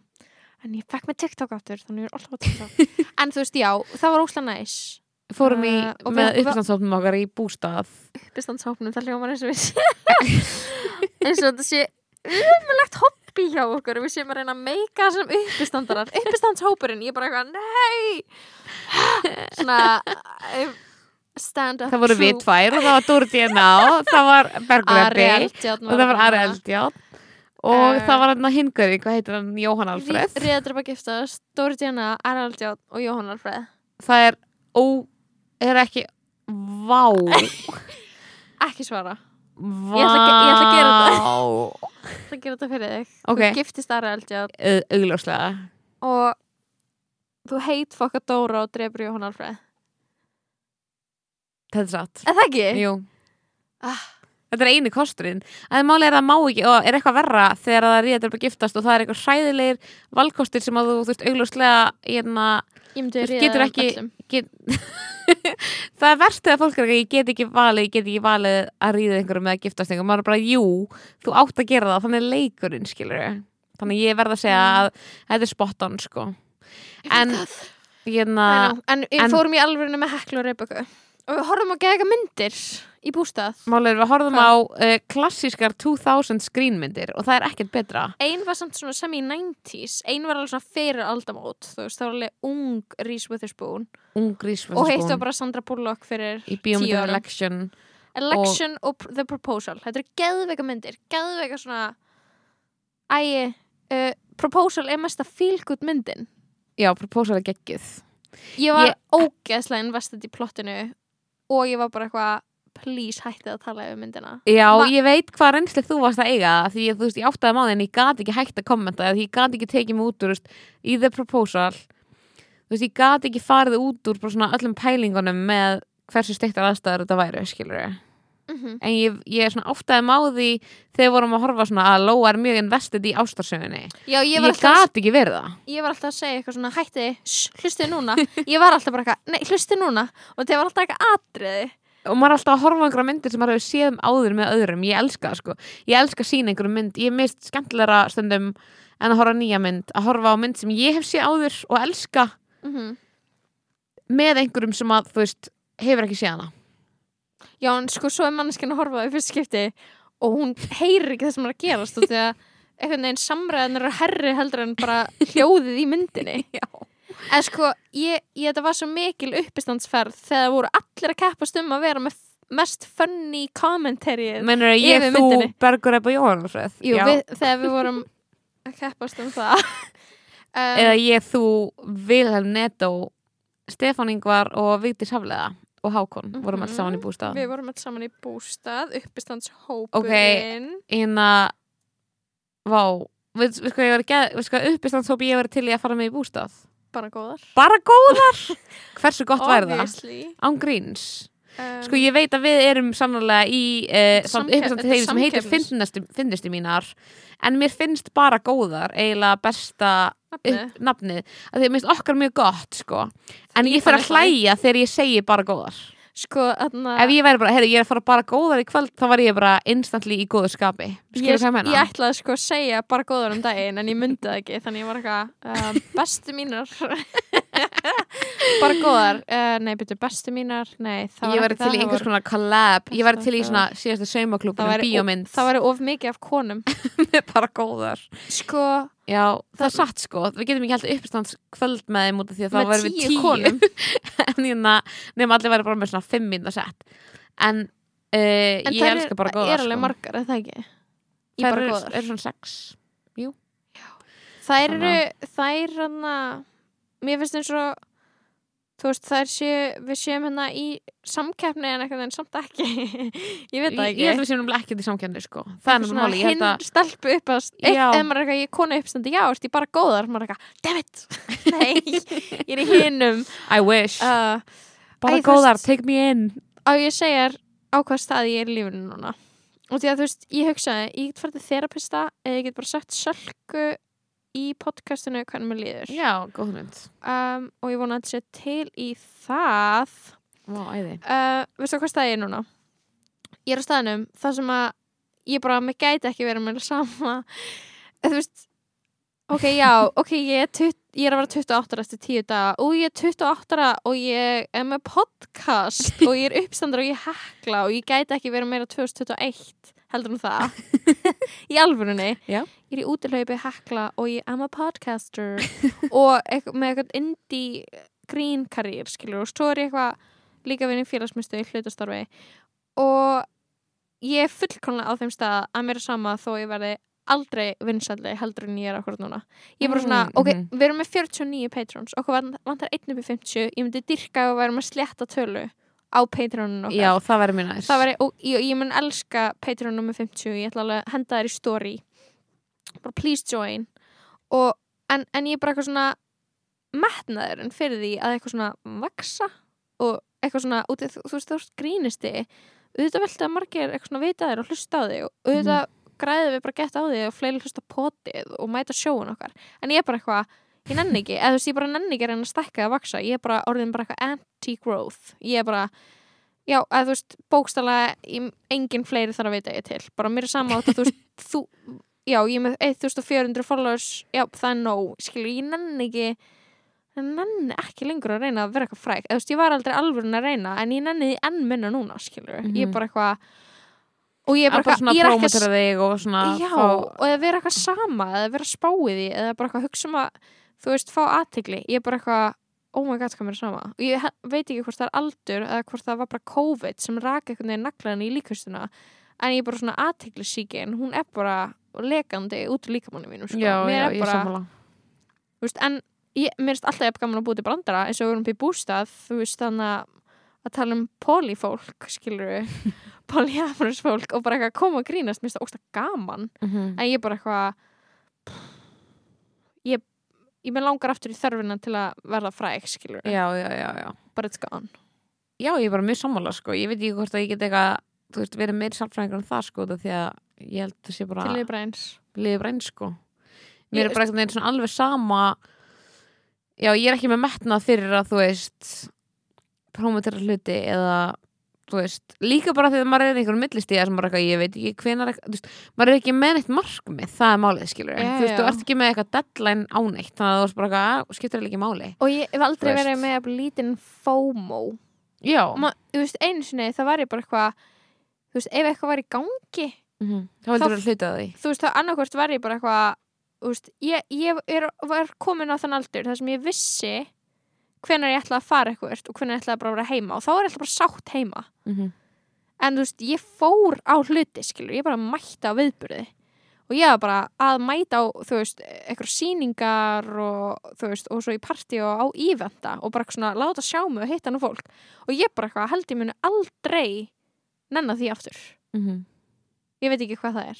En ég er bara eitthvað svona orðin leið, ég held að mesta- sé bara eitthvað að fló, bara flæða í þú veist, að láta þessa tilfinninga bara flæða og síðan, þú veist, breytist eitthvað og þá verður það næs, skilur það er janúar, skilur það er bara, þetta er mest depressing þetta er mánuður mestu ever. pressing mánuður í heimi hann er svo langur og hann, já, ammali í lokans já, þú veist, ammali 30. í lok hans og hvað á ég að gera til að halda upp á hvað á ég að gera, Salka Mhm. hvað á ég að gera til þess að gera þennan, þú veist, 30. janúar eitthvað fönn, skilur Mhm. ég er bara eitthvað, þú veist það er enginn að fara að nenni í eitthvað partí, skilur það er, og það er bara eitthvað enginn já, ég veit það ekki, skilur ég er bara eitthvað svona ég er svona semmi að spá ykkur ég er bara svona að beila á því, sko, að halda upp á mér er bara pík það sem er næst núna að hitta ykkur nokkra vini og gera eins og við gerum að fara í bústað og vera bara eitthvað allan tíman gett til í að vera þar og vera til í að vera einum stað. Það er ekkert í gangi, skilur og vera bara eitthvað mitt bara, þú veist, minn aðeinsти draumur er bara eitthvað að fara að borða með tveimur manneskjum en það er bara svo crazy tími samt líka út, því að það er bara eitthvað, það eru allir barn og það eru allir í sambandi. Ég á ekki eina einhleipa vinkonu. Mm -hmm. kannski eina. Ég á bókstala kannski eina. Þú veist, og ég er bara eitthvað svona þannig að þú veist, það er eitthvað svona hei, allir, er allir til að skilja börnin sinni eftir til þess að hanga með mér, ég er 28 ára that big age. Ég er allt til í það.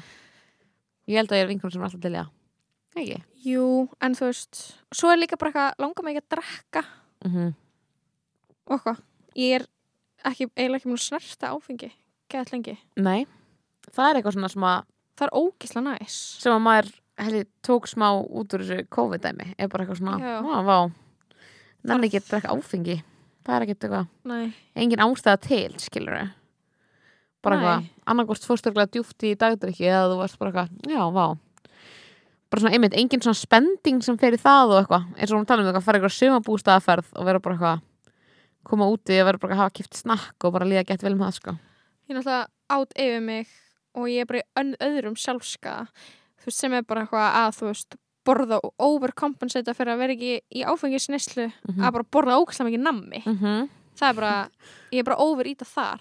Það er allir í því sko. Uh, veistu hvað ég er líka búin að vera að gera í nokkra mánuði, í staðin fyrir að kaupa mér venjulegan mat þá sko borða ég okkur um einsta degi eins og þessi laugadagur og þessi nýbúið að dempa mér ég sko bara, ég hef ekki borðað neitt annað heldur en svona comfort svona pitt, svona sjálfsvorkunar mat. Mm -hmm. ég bókstala alltaf að borða frosna pítsu.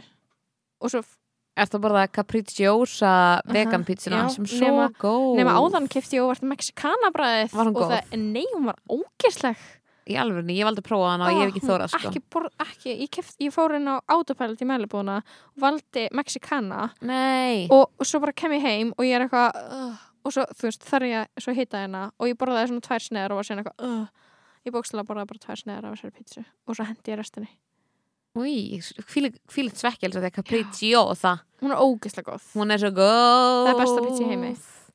Og ég var líka að hugsa þegar við vorum að horfa á þessar myndir um helgina Mhm. að það er eitthvað svona pík, þú veist, svona 2000 og eitthvað grínmyndir. Já. Svo gott kast, skilur bara svona, ok,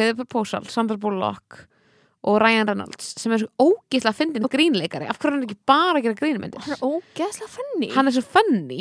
Er bara, bara Sandra Bullock er best. Já, hún er best. Ég- hún er, Ok, manstu þegar við vorum lítil?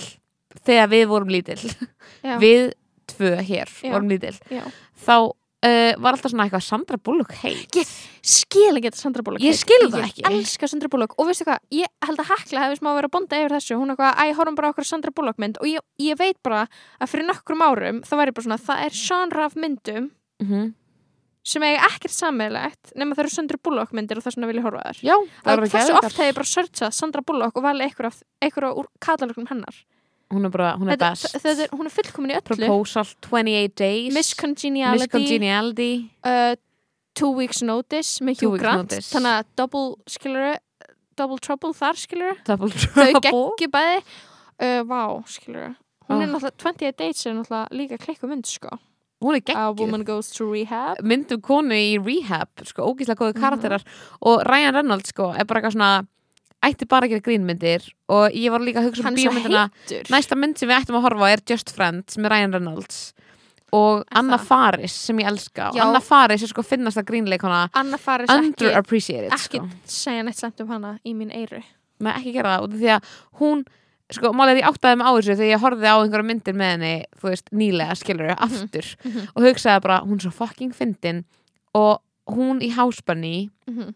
Og í, í hérna, Just Friends þar sem hún leikur svona geð, þú veist, bara svona ofur klikkaða popstjörnu og bara Er hún svona það í, í, í Just Friends og það er Já. ógeðslega fyndið. Hún er svona moment þar hún er eitthvað eitthvað öskra af því að hún hún kveikir á, hérna, hún setur álpappir í örbylgjófn og það kviknar í flugvélni sem hún er í og hún öskrar eitthvað að því hún heldur að hún sé being punked og það er bara að finna sem ég verði að horfa á þessa mynd. Það er svo langt er sér ég horfði á þetta. Just Friends. Sko, ógeðslega góð mynd, ok, já, hún er uh, problematíska mjög mörg leitað þegar hún gauð Æ, sem að var vá. feitur og síðan verður hann mjór og þá er hann 2005, heitur, skilur ég er bara að segja, ég er bara 2005. ég er bara að vara áhörnandi við, skilur að þe- þetta er bara svona, þegar maður horfður þessa mynd aftur þá er maður eitthvað, vá, þetta er súrt, skilur en þetta er bara svo ógísla fyndin mynd í alla staði. Oh god, og Ryan Reynolds er sko að vera algjör bara pík Ryan Reynolds hann er mynd, svo sko. heitur. Og Chris Klein, hann leikur líka í Just Friends en hann, Just Friends, en hann leikur líka í Election, Election? við þannig að þú veist, mitt fullkomna grínkast er Chris Klein, Ryan Reynolds Anna Faris, bara just friends sko, þetta er bara fullkomið. En er svo er Amy. Smart þarna. Og Chris Klein leikur alltaf eitthvað ógeðslega dömm gaur og hann er hann er svo góður í að leika í dömm oh gaur. My god, ég elskan oh my god. Ah, vídeolegu tímabilið. Okay, það var í alvegni, ég vorkenna krakkun sem þurfa að velja myndir á Netflix. Ég er að velja myndir á Netflix. En ég hef að minnst að fengið eitthvað tímann, úst, oh my god, ég í bónusvídeó eða vídeoheimar, ég lafa fram og tilbaka á göngun og svona fletti gegnum mm -hmm. Oh my god, og einu sinni þá leiði ég Down to Earth fjóra dagi röð þegar ég var á flatir með fjölskyldinu minni, Down to Earth með Chris Rock.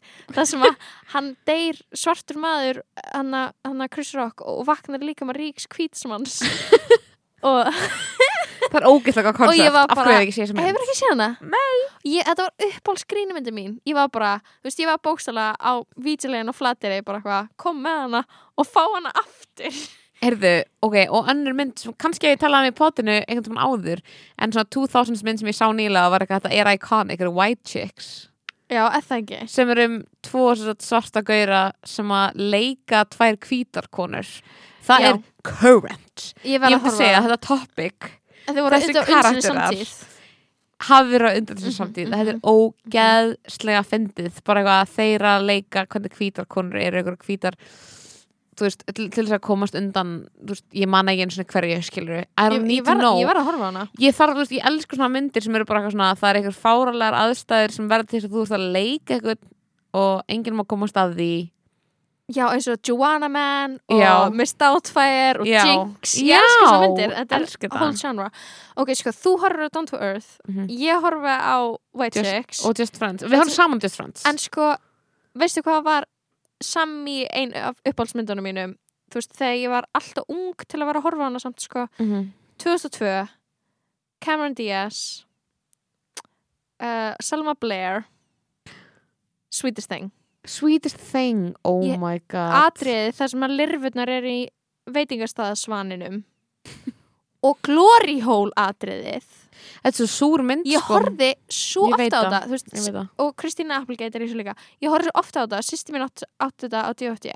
það er rosa dangerous sko að eiga eldri sýstur sem er 8 árum eldri Já, og þegar ég var bara eitthvað svona að reyna að vera heilum 8 árum eldri heldur en ég var skilur sko já, einmitt, þú veist, ég held að allir eigi einhver svona reynsla sem verður að horfa á einhverja mynd og voru eitthvað, þetta er ekki fyrir mig. Þú veist, ég skildi ekkert glory hole atriðið. Nei, allt í hennu kom bara eitthvað svona tippi út í auga á henni og hún fekk auksíkingu já, og svo þarna þegar hún er bara geðið lengi alltaf að fara til, þú veist, já hún fer til dræklínir út af því að það er kömm í kjólin og ég bara eitthvað, er að horfa á þetta og ég er eitthvað svona damn,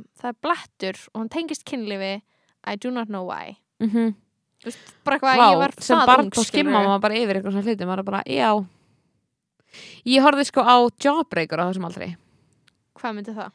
Það er iconic mynd með Rosario, nei, byrju með Rose McGowan þar sem að það er, hérna, þetta er svona vinkonur Oh sem er my að surpræsa, Það eru að vinsala stelpur í skóla það er alltaf að surpræsa vinkonur sína á ammalinnar með því að ræna, þykjast ræninni skilur og hendin í skottið. Nema málega er þetta er ekki eins og spoiler þetta gerir svona fyrstu fimm myndunum að hún deyr. Að það er, það er tróða, tróða svona jawbreaker upp í munnin á henni. og Grier. teipa fyrir. Oh my god, Pam Grier er í henni. Sko, aðna uh, það, ég sá ekki í ég sá iconic ekki þess- 2000 myndir ég sá ekki þessa mynd sko. Um, ég verða að sjá hana en hún er næstu með alveg eins cover og Sweetest Thing. Svona þrjár já, gælur oh my god. Og líka, já, þetta er Rose McGowan og þú veist, einhver svona skvísur sem að maður, þú veist um, maður þekkir í útliti en er ekki, þú veist, er ekki kannski ennþá frægar já, einmitt. Og þú veist, málega er að þess, þessi tími þetta er 99, mm sem er sama ára og Election kemur út, sem er hinn mynd sem að horfum á. Oh að þær eru svona á sama skala þær eru að nota svona unglingamynda formið en gera það smá dark. Já, já, geðvegt veist, þannig að þetta er svona uh, pínu eins og þú veist það er svona, einmitt, gerist í, þetta er alltaf eitthvað svona high school nema þú veist, það er drepi eitthvað skilur og Oh það er alltaf svona aðeins svo mikið kynlíf, aðeins svo svona alveg svona, eitthvað svona dodgy þú veist, svona kynlífsvísanir skilur sem að Mm. maður, þannig að það voru einhvern veginn bannaðar en á 16 á vídeoleginum þannig að maður sá þar ekki. Þannig að maður sá þar ekki en ég eitthvað svona horfði á hana stöð tvö heima á frængu minni þegar ég var lítill skilur en horfður horfður ekkert sem hann á Heathers? Já, það er geðvegt mynd en ég horfði á hana skilur sem úlingur ekki sem bann já, hor, hor, maður horfði svona á hana sem unglingur sem svona kalldæmi, já, það ekki? Jú og var uh, eitthvað, þetta er cool. Hefur þú, ok, sko, það er svo mikið af gamlum olden but goldies myndum sko, sorry, en þeir get, þú veist, það er ekki gerðar svona góða myndir lengur, ekki, ekki í þessum flokki. Það eru gerðar sko. góðar öðru þessi myndir. Já. en þú veist romcom formið það er enginn að gera neitt með það lengur. Já, það er það, og, og, og rom, já, romcom og svo bara góðar comedies. Mhm, bara, ég veit það. minnst það sjokkað. Sko, það sem er sem að vera að gera með þetta romcom dæmi er að gera, þú veist, svona þú veist, eitthvað svona cutie mynd. Býtu, það var svona ein geggið sem kom út með Ali Wong. Ok, það er samt Netflix mynd og maður fann alveg á að þú veist já, gæðin var alveg svona Netflix standard. Já, jú, myndin með Ali Wong að, að það er, er það ekki Someone Great? Always Be My Maybe. Always Be My Maybe. Og Someone Great var líka alltaf lagi. Já, nákvæmlega, þú en, þú always, en þetta er Netflix skilur og maður Já. finnur það í framleiðstunni alveg eins og í Wine Country. Það er svona eitthvað það er svona eitthvað, ah, ok já, ég veit það cool, sko það er eitthvað við þetta en þú veist, en mál er ég elska Always Be My Maybe út af því að það eru svona karakterar sem þú byrjar að elska og þú byrjar svona að root for skiluru mm og þú er með svona pappan sem er get lovable þú veist, Mhm. og þú, þú elskar get mikið. Og síðan ertu með aðna uh, einhvern love interest sem kemur sem svona andhetja sem er Keanu Reeves í Allsbyrna Maybe það er það er, best í heimi þegar hann kemur. Já, þetta er svona ég held að þetta verði svona ég held að þetta sé líka bara eitthvað aldrin sem við vorum á þegar við sáum þessar myndir skilur einhver 100%. sá bara Allsbyrna Ah. Maybe og verður eitthvað svona. Ég held að þú veist, það er eitthvað meira heldur en bara aldrun okkar og þegar ég er að horfa á ég er að horfa Family Stone og ég er bara Mhm. eitthvað hvað er Family Stone sem kom út í ár? Já, skilur, hvað er jólamyndin skilur sem er um þú veist, sem með þetta element skilur Bíddu, en það var, það var að koma út hérna eða er að koma út, kom ekki út jólamynd ég, mynd sem ég held að síðan er að Dan Levi úr Schitt's Creek. Ó, var að leika í mynd sem kom út síðustu jól sem heitir Happiest Season sem er jólamynd. Og mér langar að sjá hana Ok, ég en hún er ekki á þú veist, einhverju veitum sem ég er með. Er sem er svona jólamynd með honum og Kristen Stewart hættu nú alveg. Og hérna sem er satt um æðislegt casting. Geðvægt casting sko, þannig ég er mjög mikið svona ég er að vona að þú veist, það sé Family Stone arsinn sko, en ég er sérlega ekki dýra að geta ok, ég ætla að horfa á hana. Vá, við erum svo mikið að gera lofa, við þurfum að fara Ég veit heim við þurfum það. að do our homework. Að það, Það- er það sem að fólk tjúnar inn fyrir til að Sko, heyra öll vika mín er gert- fyrir podcastið sko. Basically um, bara horfðu á, þess, horfðu á þessar tíu bíómyndir. Við erum með tíu viku. 90s bíómyndir til að horfa á. Uh, það þurfa líka allir að fá sér stöð 2 plus og horfa á æði og þetta er iconic. Ok, veistu hvað, veistu hvað grinds my gear? Ó nei, ég kom ránt Ok. ég kom ránt, ég kom Ok, ránt ok, rand, let's do it, let's do it, let's do it. Gerðu það, heyrðu, nota þess orku Byrjum bara randinu, á ég að taka tíman já. Sem ég gerir lýs. oh my god. Ok, ég er tilbúin, er þú tilbúin? já, Ok, þetta er randin Lóa Bjarkar uh, hérna 20. janúar 2021 gera, gera, gera 3, 2, 1, go Þegar 3, byrja. 2, 1, go. Veistu hvað, grinds my gear Hvað? Salka, er að, sko, ok, já allt í lagi Uh, mér er alveg sama þótt þú sért með áskrift að stötu plus eða stötu marathon eða hvað svona heitir Mhm. en þegar maður gerir þátt bæði þegar maður leikur í sínu fyrsta sjónvastætti og svo þegar maður er einna, að koma einhverju í loftið eins og æði með patta heimi, skilur Mhm. þegar fólk tilkynna manni að í óspyrum fréttum að það sé ekki með stötu plus Herru, já, ok, ég, ég, ég senst sumar, ég gerir sjónastátt og það er bara eitthvað, já, þannig að ég sá að gera þátt, ég er eitthvað, já, cool. Ég er ekki með stötu plus og svo bara, það er enginn með það. 20 og maður er eitthvað, ok, ég er samt skilur I don't care, ég spurði ekki. Og líka bara eitthvað, ok, ef vinnin gerir sjónastátt getur ekki bara, þú veist, fengir áskrift í einn mánuð og bara horta þáttinn eða skilur þarf að vera, já, ok. En að on jokes, fuck off. Love it. Ok, eina þetta grinds my gears. Ég er eina af þessum mannskjum En veistu hvað gerðast hjá mér samt? Ég- Er ég Býtu Ok, ég ætla ekki að segja það, skiptir ekki máli. Segðu mér það. Það sem ég ætla að segja var að ég er bara, þú veist, ég er bara stiðið þetta rámt, sko. En ég ætla ekki að fara út í uh, hversu mikil gömur kona ég er og ég var með mánaðar áskrift. Já, en þú gæst samt ekki hort. og allt var hérna laggaði. já, ó, en ógslag pennandi ég veit ekkert okkur það gerist En- Nei, enda ekki, alls ekki þín ábyrð. en ég svona eitthvað, mér, Ég skil. mér fannst svo fyndið að vera bara eitthvað að gera eitthvað og allir að segja manni hvernig þeir getur ekki hort á það. Bara keep it to yourself. Líka hvað á ég að gera? Á ég er hann að selja þér áskrift á staðinum það er, samt, það er smá mútið sem ég er í núna eftir, með að patti sé að koma út. Ég er bara eitthvað, bara bro, fá þér áskrift bara tímur ekki fjögus kallið til að horfa á nýja íslenska serju Mhm. bara, þú veist, og allt hitt dóti sem er þann inn á, skilur, Einmitt. þú fær fullt af dóti, það er bara eitthvað já, ok, uh, út í þetta er ekki Netflix þá nennir ekki að horfa á þetta Mhm, mér finnst það svo mikið leti mhm.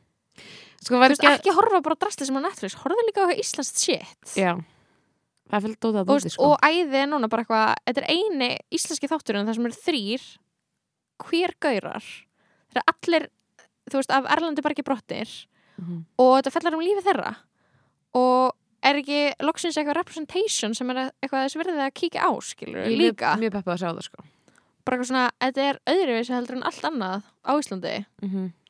Og hvað, er þetta ekki svona einu svona svona raunveruleika þátturinn? þetta er eini svona raunveruleika þátturinn sem er svona, þú veist við erum að tala um Real Housewives Real Life eh, skilur, Kim þú K. veist, ég segja það til það er ekki til eitt sambarlegt skilur Nei, það er, það er ekki til neitt sambarlegt Þú veist, það sem er bara raunveruleika þáttur for the sake of raunveruleika þáttur þú veist, það er engin keppni. Mm -hmm. og það er hvort það er engin, kepp, það er, hvort það er engin keppni sem raunveruleika þáttur heldur í gangi. Þannig að þetta er bókstaflega eini raunveruleika þátturinn. I love it. Um. Já, ég er svona Já, ég, mér leið kannski óþægilega með þetta þegar ég var sjálf í þættinum. En núna þá er ég bara eitthvað fáður áskrift, skilur við Mhm. og ég er ekki bara að segja þér bara eitthvað ekki fáður áskrift, fáður áskrift uh, eða langar að horfa á þetta, ekki láta fjögur skall stoppa þig, eða skilur við það er ekki það há fjárhæð Mhm. ekki með að við svona laun sem fólk er á í dag. Laun sem fólk er á í dag. Um, Já, ég veit það ekki. Það var, það var, ó, það var ógeðslega surrealist að hugsa tilbaka á þetta á, um þetta ár 2020 og vera eitthvað, ég gerir sjómannstátt og það var ógeðslega mikið fólki sem gerði hluti í ár sem voru antiklæmaks fyrir þau persónulega og það var aldrei Mhm. celebratað Já, eða skilur, það var aldrei aldrei og, og skálað eða, veist, eða viewing party eða eitthvað skilur Ég er smá það núna, veist, það er loksins verið að fara frum sína uh, veist, verk sem ég leikstýrði í Tjarnanbjó og ég er geðað spennt fyrir að fólk sjáu það en spenningurinn, þú veist ég þarf ekki að ná í hann aftur út af því að við, veist, við gerum generalpröfu á verkinu fyrir tíu eða eitthvað. Tímans og svo, þú veist, núna er ég bara svona, já, ok, þú veist á ég að segja fólki að koma á þetta þú veist, ég veit ekki sinni. ekkert hvað maður á að á ég að peppa fólk að koma saman eitthvað, þú veist, mér langar að fólk sjá þetta. Þú veist, þetta er verk þetta er verk sem er, þú veist þetta er verk fyrir hérna pólskumælandi, skilur þetta er, þú veist, verk á pólsku með ennskum texta. Já, það er bara geðið bara, gott að Íslandingar fór að sjá það líka. já, það er bara geðað mikið fyrir Íslendinga líka, skilur þú veist, það er bara svona einhver annar heimur sem að, þú veist, þeir geta kynnt sér og ég er bara eitthvað í öllum öðrum kringumstæðum væri ég að posta með þetta á social media á hvernig degi, en ég er bara eitthvað trúir einhverju að það sé að fara að fara viðbyrður, eða skilur hvað ég meina þú veist, ég er bara Já, eitthvað, þetta er stemmingin. ég er bara eitthvað er einhverju að fara að setja eitthvað save the date, skilur Mm -hmm. en já, 4. februar, save the date og ég er bara eitthvað, þannig að eh, það ég er- ekki, það er ég dagsetningin. já, það er dagsetningin, en ég þór ekki, þú veist það er líka það, ég þór ekki að jinxa að það gerist, skilur ég er bara eitthvað, ég er bara svo, svona seningal, skilur ég er bara eitthvað, mm. Bara svo vanur því. vilja hluti sem getur gerst sem myndi verða til þess að það frestast, skilur Já. en ég er bara svona, ég er að vona að, veist, að það gangi upp, skilur en þetta bara dregur alltaf úr manni þetta bara svona dregur alltaf úr manni, þú veist, eitthvað svona mátt að vera bara eitthvað, já, get ekki celebrita þetta get ekki haldið hundra manna hundra manna frumsýningapartí, skilur sem að væri til í að gera Þú veist, vanlega þegar fólk býr til leikrið til sjómanstætti eða fólk gerir eitthvað, mm -hmm. þá er bara eitthvað, þá stendur ykkur upp og segir nokkur orð Mhm. og fólk eitthvað svona spjallar um hlutin og það, raungerir þetta, skilur, eins að setja upp sýningu eða lokaverk eða klára eitthvað áfunga Já. að þú veist, þetta verður ekki raunverulegt fyrir nema þú deilur þessu með öðru fólki annars er bara eins og það hafi ekki gerst. Einmitt. Þú veist, ekkert á senasta ári þú veist sem eitthvað svona milestone breytti eitthvað fyrir mig, skilur Mhm. hann bara gerðist ekki, einmitt að ég veit ekki mér know. alltaf, alltaf þannig, sko. En ok, ég er með rant, ég er með rant. I've got a rant. Uh, veistla sko, þarna um, var þetta rand lélegt? Eins og einhverju hlustendur ætti að hafa tekið eftir þá er ég búin að sleppa mjög oft að vera með rand Já, búin þú veist, vera- ég hef gett oft svona katta það út og því ég er bara eitthvað svona ég er bara eitthvað I've lost my touch. Eina góða randi mitt er búið að vera friðasúlan þetta var svona semirand ég var ekki með, mér vantar eitthvað svona diss sem er eitthvað svona mm, fuck you, en í staðin er ég alltaf bara eitthvað ah, fuck you, skilur en mér vantar eitthvað svona gott diss. Ok, auðvitað fyrir góð dissi? Uh, Ert þú tilbúin? Já. Ok, rand uh, vikunar frá reyðustu minni.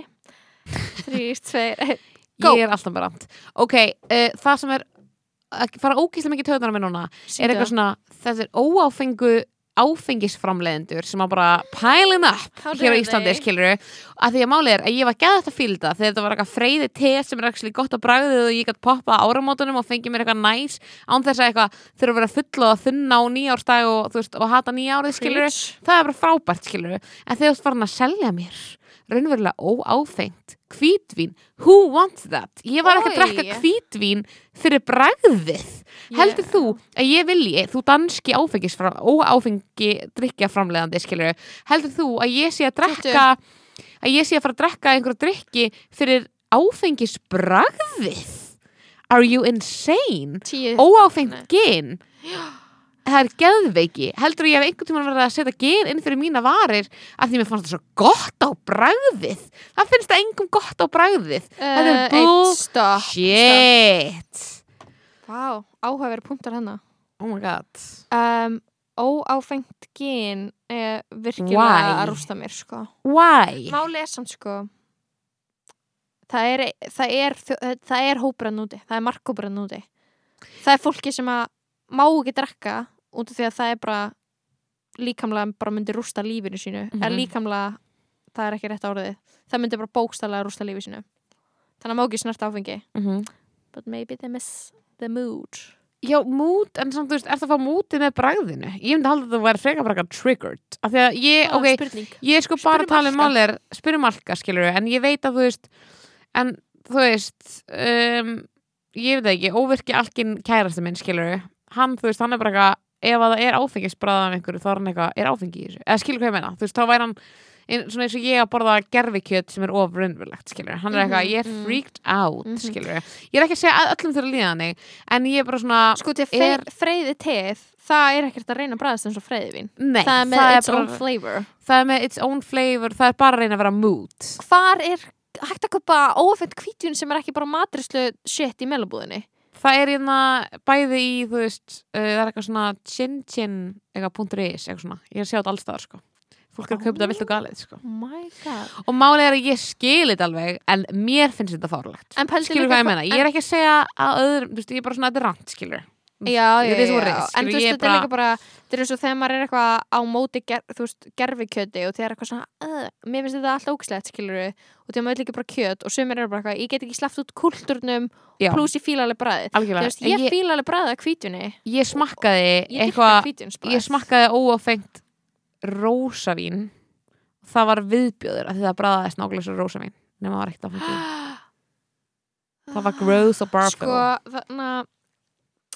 en þú veist, pældu bara hvað áfengiskultur er bara running deep, sko. Ég er að segja það, ef að þú Við þarft erum eitthvað bara- að vera að lýra svo að missa einhver að fá ekki eitthvað svona beist bragð af dreikninum áfengisbrað er samt alveg gott. Hvað áfengisbragð? Mér Mér finnst finnst ekki sem það- vera mér óáfengt. finnst- Óáfengt þú rauðvín? Nei. Ég var að drekka hvítjun um daginn þú veist, og ég er ekki að drekka var að drekka eitthvað hvítjunsglas og var ekki að býða eftir að vera buzzed var bara eitthvað, mm, fínt. Mhm. eða skilur já, eða skilur ég eh, já, ég finnst orðið bara frekar óþægilegt að vera eitthvað buzzed Já, það er true, svona tilfinning true. sem ég er ekkert að sækast í lengur. Mhm. ekkert eitthvað En þetta um, ófengar rósavín var truly of close to home. Ég kefti mér að ófenga bjór um daginn í mellabúðinni mér langaði í stemminguna að vera að koma heim Mhm. taka hérna taka hérna og drekka bjórinn svona eins og ég væri búin að þú veist, svona vera strita Mér finnst það líka að vera eitthvað svona, það er eitthvað svona fróða og það er eitthvað, ég geti svona skilað eiginlega meira sko. óafingur peróni En óáfengt rósavín Why? Já, þetta er eitthvað þetta er að fokka mér smá upp sko. Óáfengt ég, far- gin og tónik þú veist, ég skil alveg ég skil alveg þetta beska bragði í tónik að fíla það, skilur en gin já. mm. þegar þú getur aðeins langar í gin og tónik þá getur þú líka bara að fengja tónik og sett læm út í það og vera eitthvað en saman væp hvað, getur fengið óafingt rósavín? Um, ég held í, þú veist, einhverjum svona ógæslega mikið svona búðum sem að þú getur fengið svona dót, skilur, örglega melabúðinni eitthvað veganbúðinni og svona chin þannig. chin.is og svona. Ok, eitthvað þannig dót, sko. Fólk er að kaupa það svona í þessum svona sem við búðum og við myndum fara til að kaupa eitthvað. Hvað? ég var bara að fatta hvað við erum búin að taka upp ógæðslega lengi og ég er að þess að þér fyrir þessu. Ég er að þess að konunum með bangsókúni fyrir þessu, skilur ég er að horfa á við konunum erum með búin að taka upp í klukkutíma og 37 mínútur. Já. The people love it. Já, já, já, en þannig Við að erum út af þeim er líðan talfinnar. svo ég sé búin að tala í gegnum svona þrjá hluti. Eða þú veist, þið er bara svona þrjá þætti sem við erum búin að tala í gegnum. Já. Veist, ég man ekki eins og hvað vorum að tala um í byrjun Ég man alls ekki. Ég var ennum manneska þá. Og ekki minna maður það, ekki segja mér það. Ég, bara, Já, vil, aldrei, sæll. ég vil aldrei vita það. Um, en við erum líka komin að leiðalókum Já, ég, einmitt, ég ætlaði einmitt að fara að segja bless en ég er þetta var mjög góð vika, sko. Potvita, vika, fengum mikið að skilabóðum og það var bara mega Mhm. næs og ég vona að þú veist ef, ef þið eru búin að vera að gangi í gegnum svipa og ég og ég veit, get ekki tala fyrir hönd Sölku, hún er alltaf með nagladínuna uh, og ekki gleyma og ljóslampanum ljós og hérna, dagspyrti lampanum en, en vona bara skilur að það fara að, að byrsta til hjá okkur og fólki fara að líða aðeins betur og náttúrulega er að koma betra veður og, og, og vonandi getur fólk komist aðeins í útihlaup og lett sína lund á þann hátt og rewatcha Netflix þátt á Netflix, Office, eins og ég er ekki Mhm. ég, ég, er, ég er mikið að vinna með það að öskra á sjónvarpið þessu dagana og pása á þryggja sekundum fresti pása mig gegnum Office þátt og því að ég hata Michael Scott. Já, við líður eins. Nema ég hætti bara að horfa og verð bara mjög reið. Ok, en Ég var að horfa á Bridgerton, ég get ekki hósta hann þátt. Þetta er Oh my God, þáttur. Ég þetta eru bara verstu þættir. Ma, manstu rann, já, ég, Ég veit, var að tala um já, það. Já, ég reyndi að horfa áfram og ég þurfti að hætta sko. nei, umulagt, Já, ég hati þetta. Þú Já. eignast síðan badd saman. Ok, fuck off. Ó, ég veit það, þetta er svo mikið uh. og veistu hvað, ef, ef ykkur langar að horfa annan cringe þátt, þá er Superstore, ég horfði á hann að hann í kominga að hann og ég get ekki verið ein með hugsunum mínum í fimm ekki þá kveitti ég á Netflix þætti. ég. ágjörði hvað myndi gerast það þú þurftir að gera. Og ég, Superstore og Netflix ég var bara, er eitthvað að ykkur? Bara hver einasta mínúta var cringe. Já. oh, We love. ég treyst ekki lengur, ég treyst ekki neinum til þess að búa til sjónvarp lengur. Uh, herru, takk fyrir þáttinn og bara í please einhver nummer 50 að subscribe á Patreon. Það er, ein sem ég, það er eina sem ég beði Já, eins og byrjum, byrjum ekki með margt Byrjum bara um það okay, see you, bye Bye There is freedom within. There is freedom without trying to catch the days in a paper cup. There's a battle ahead. Many battles I lost, but you never see the end of the road while you're traveling with me.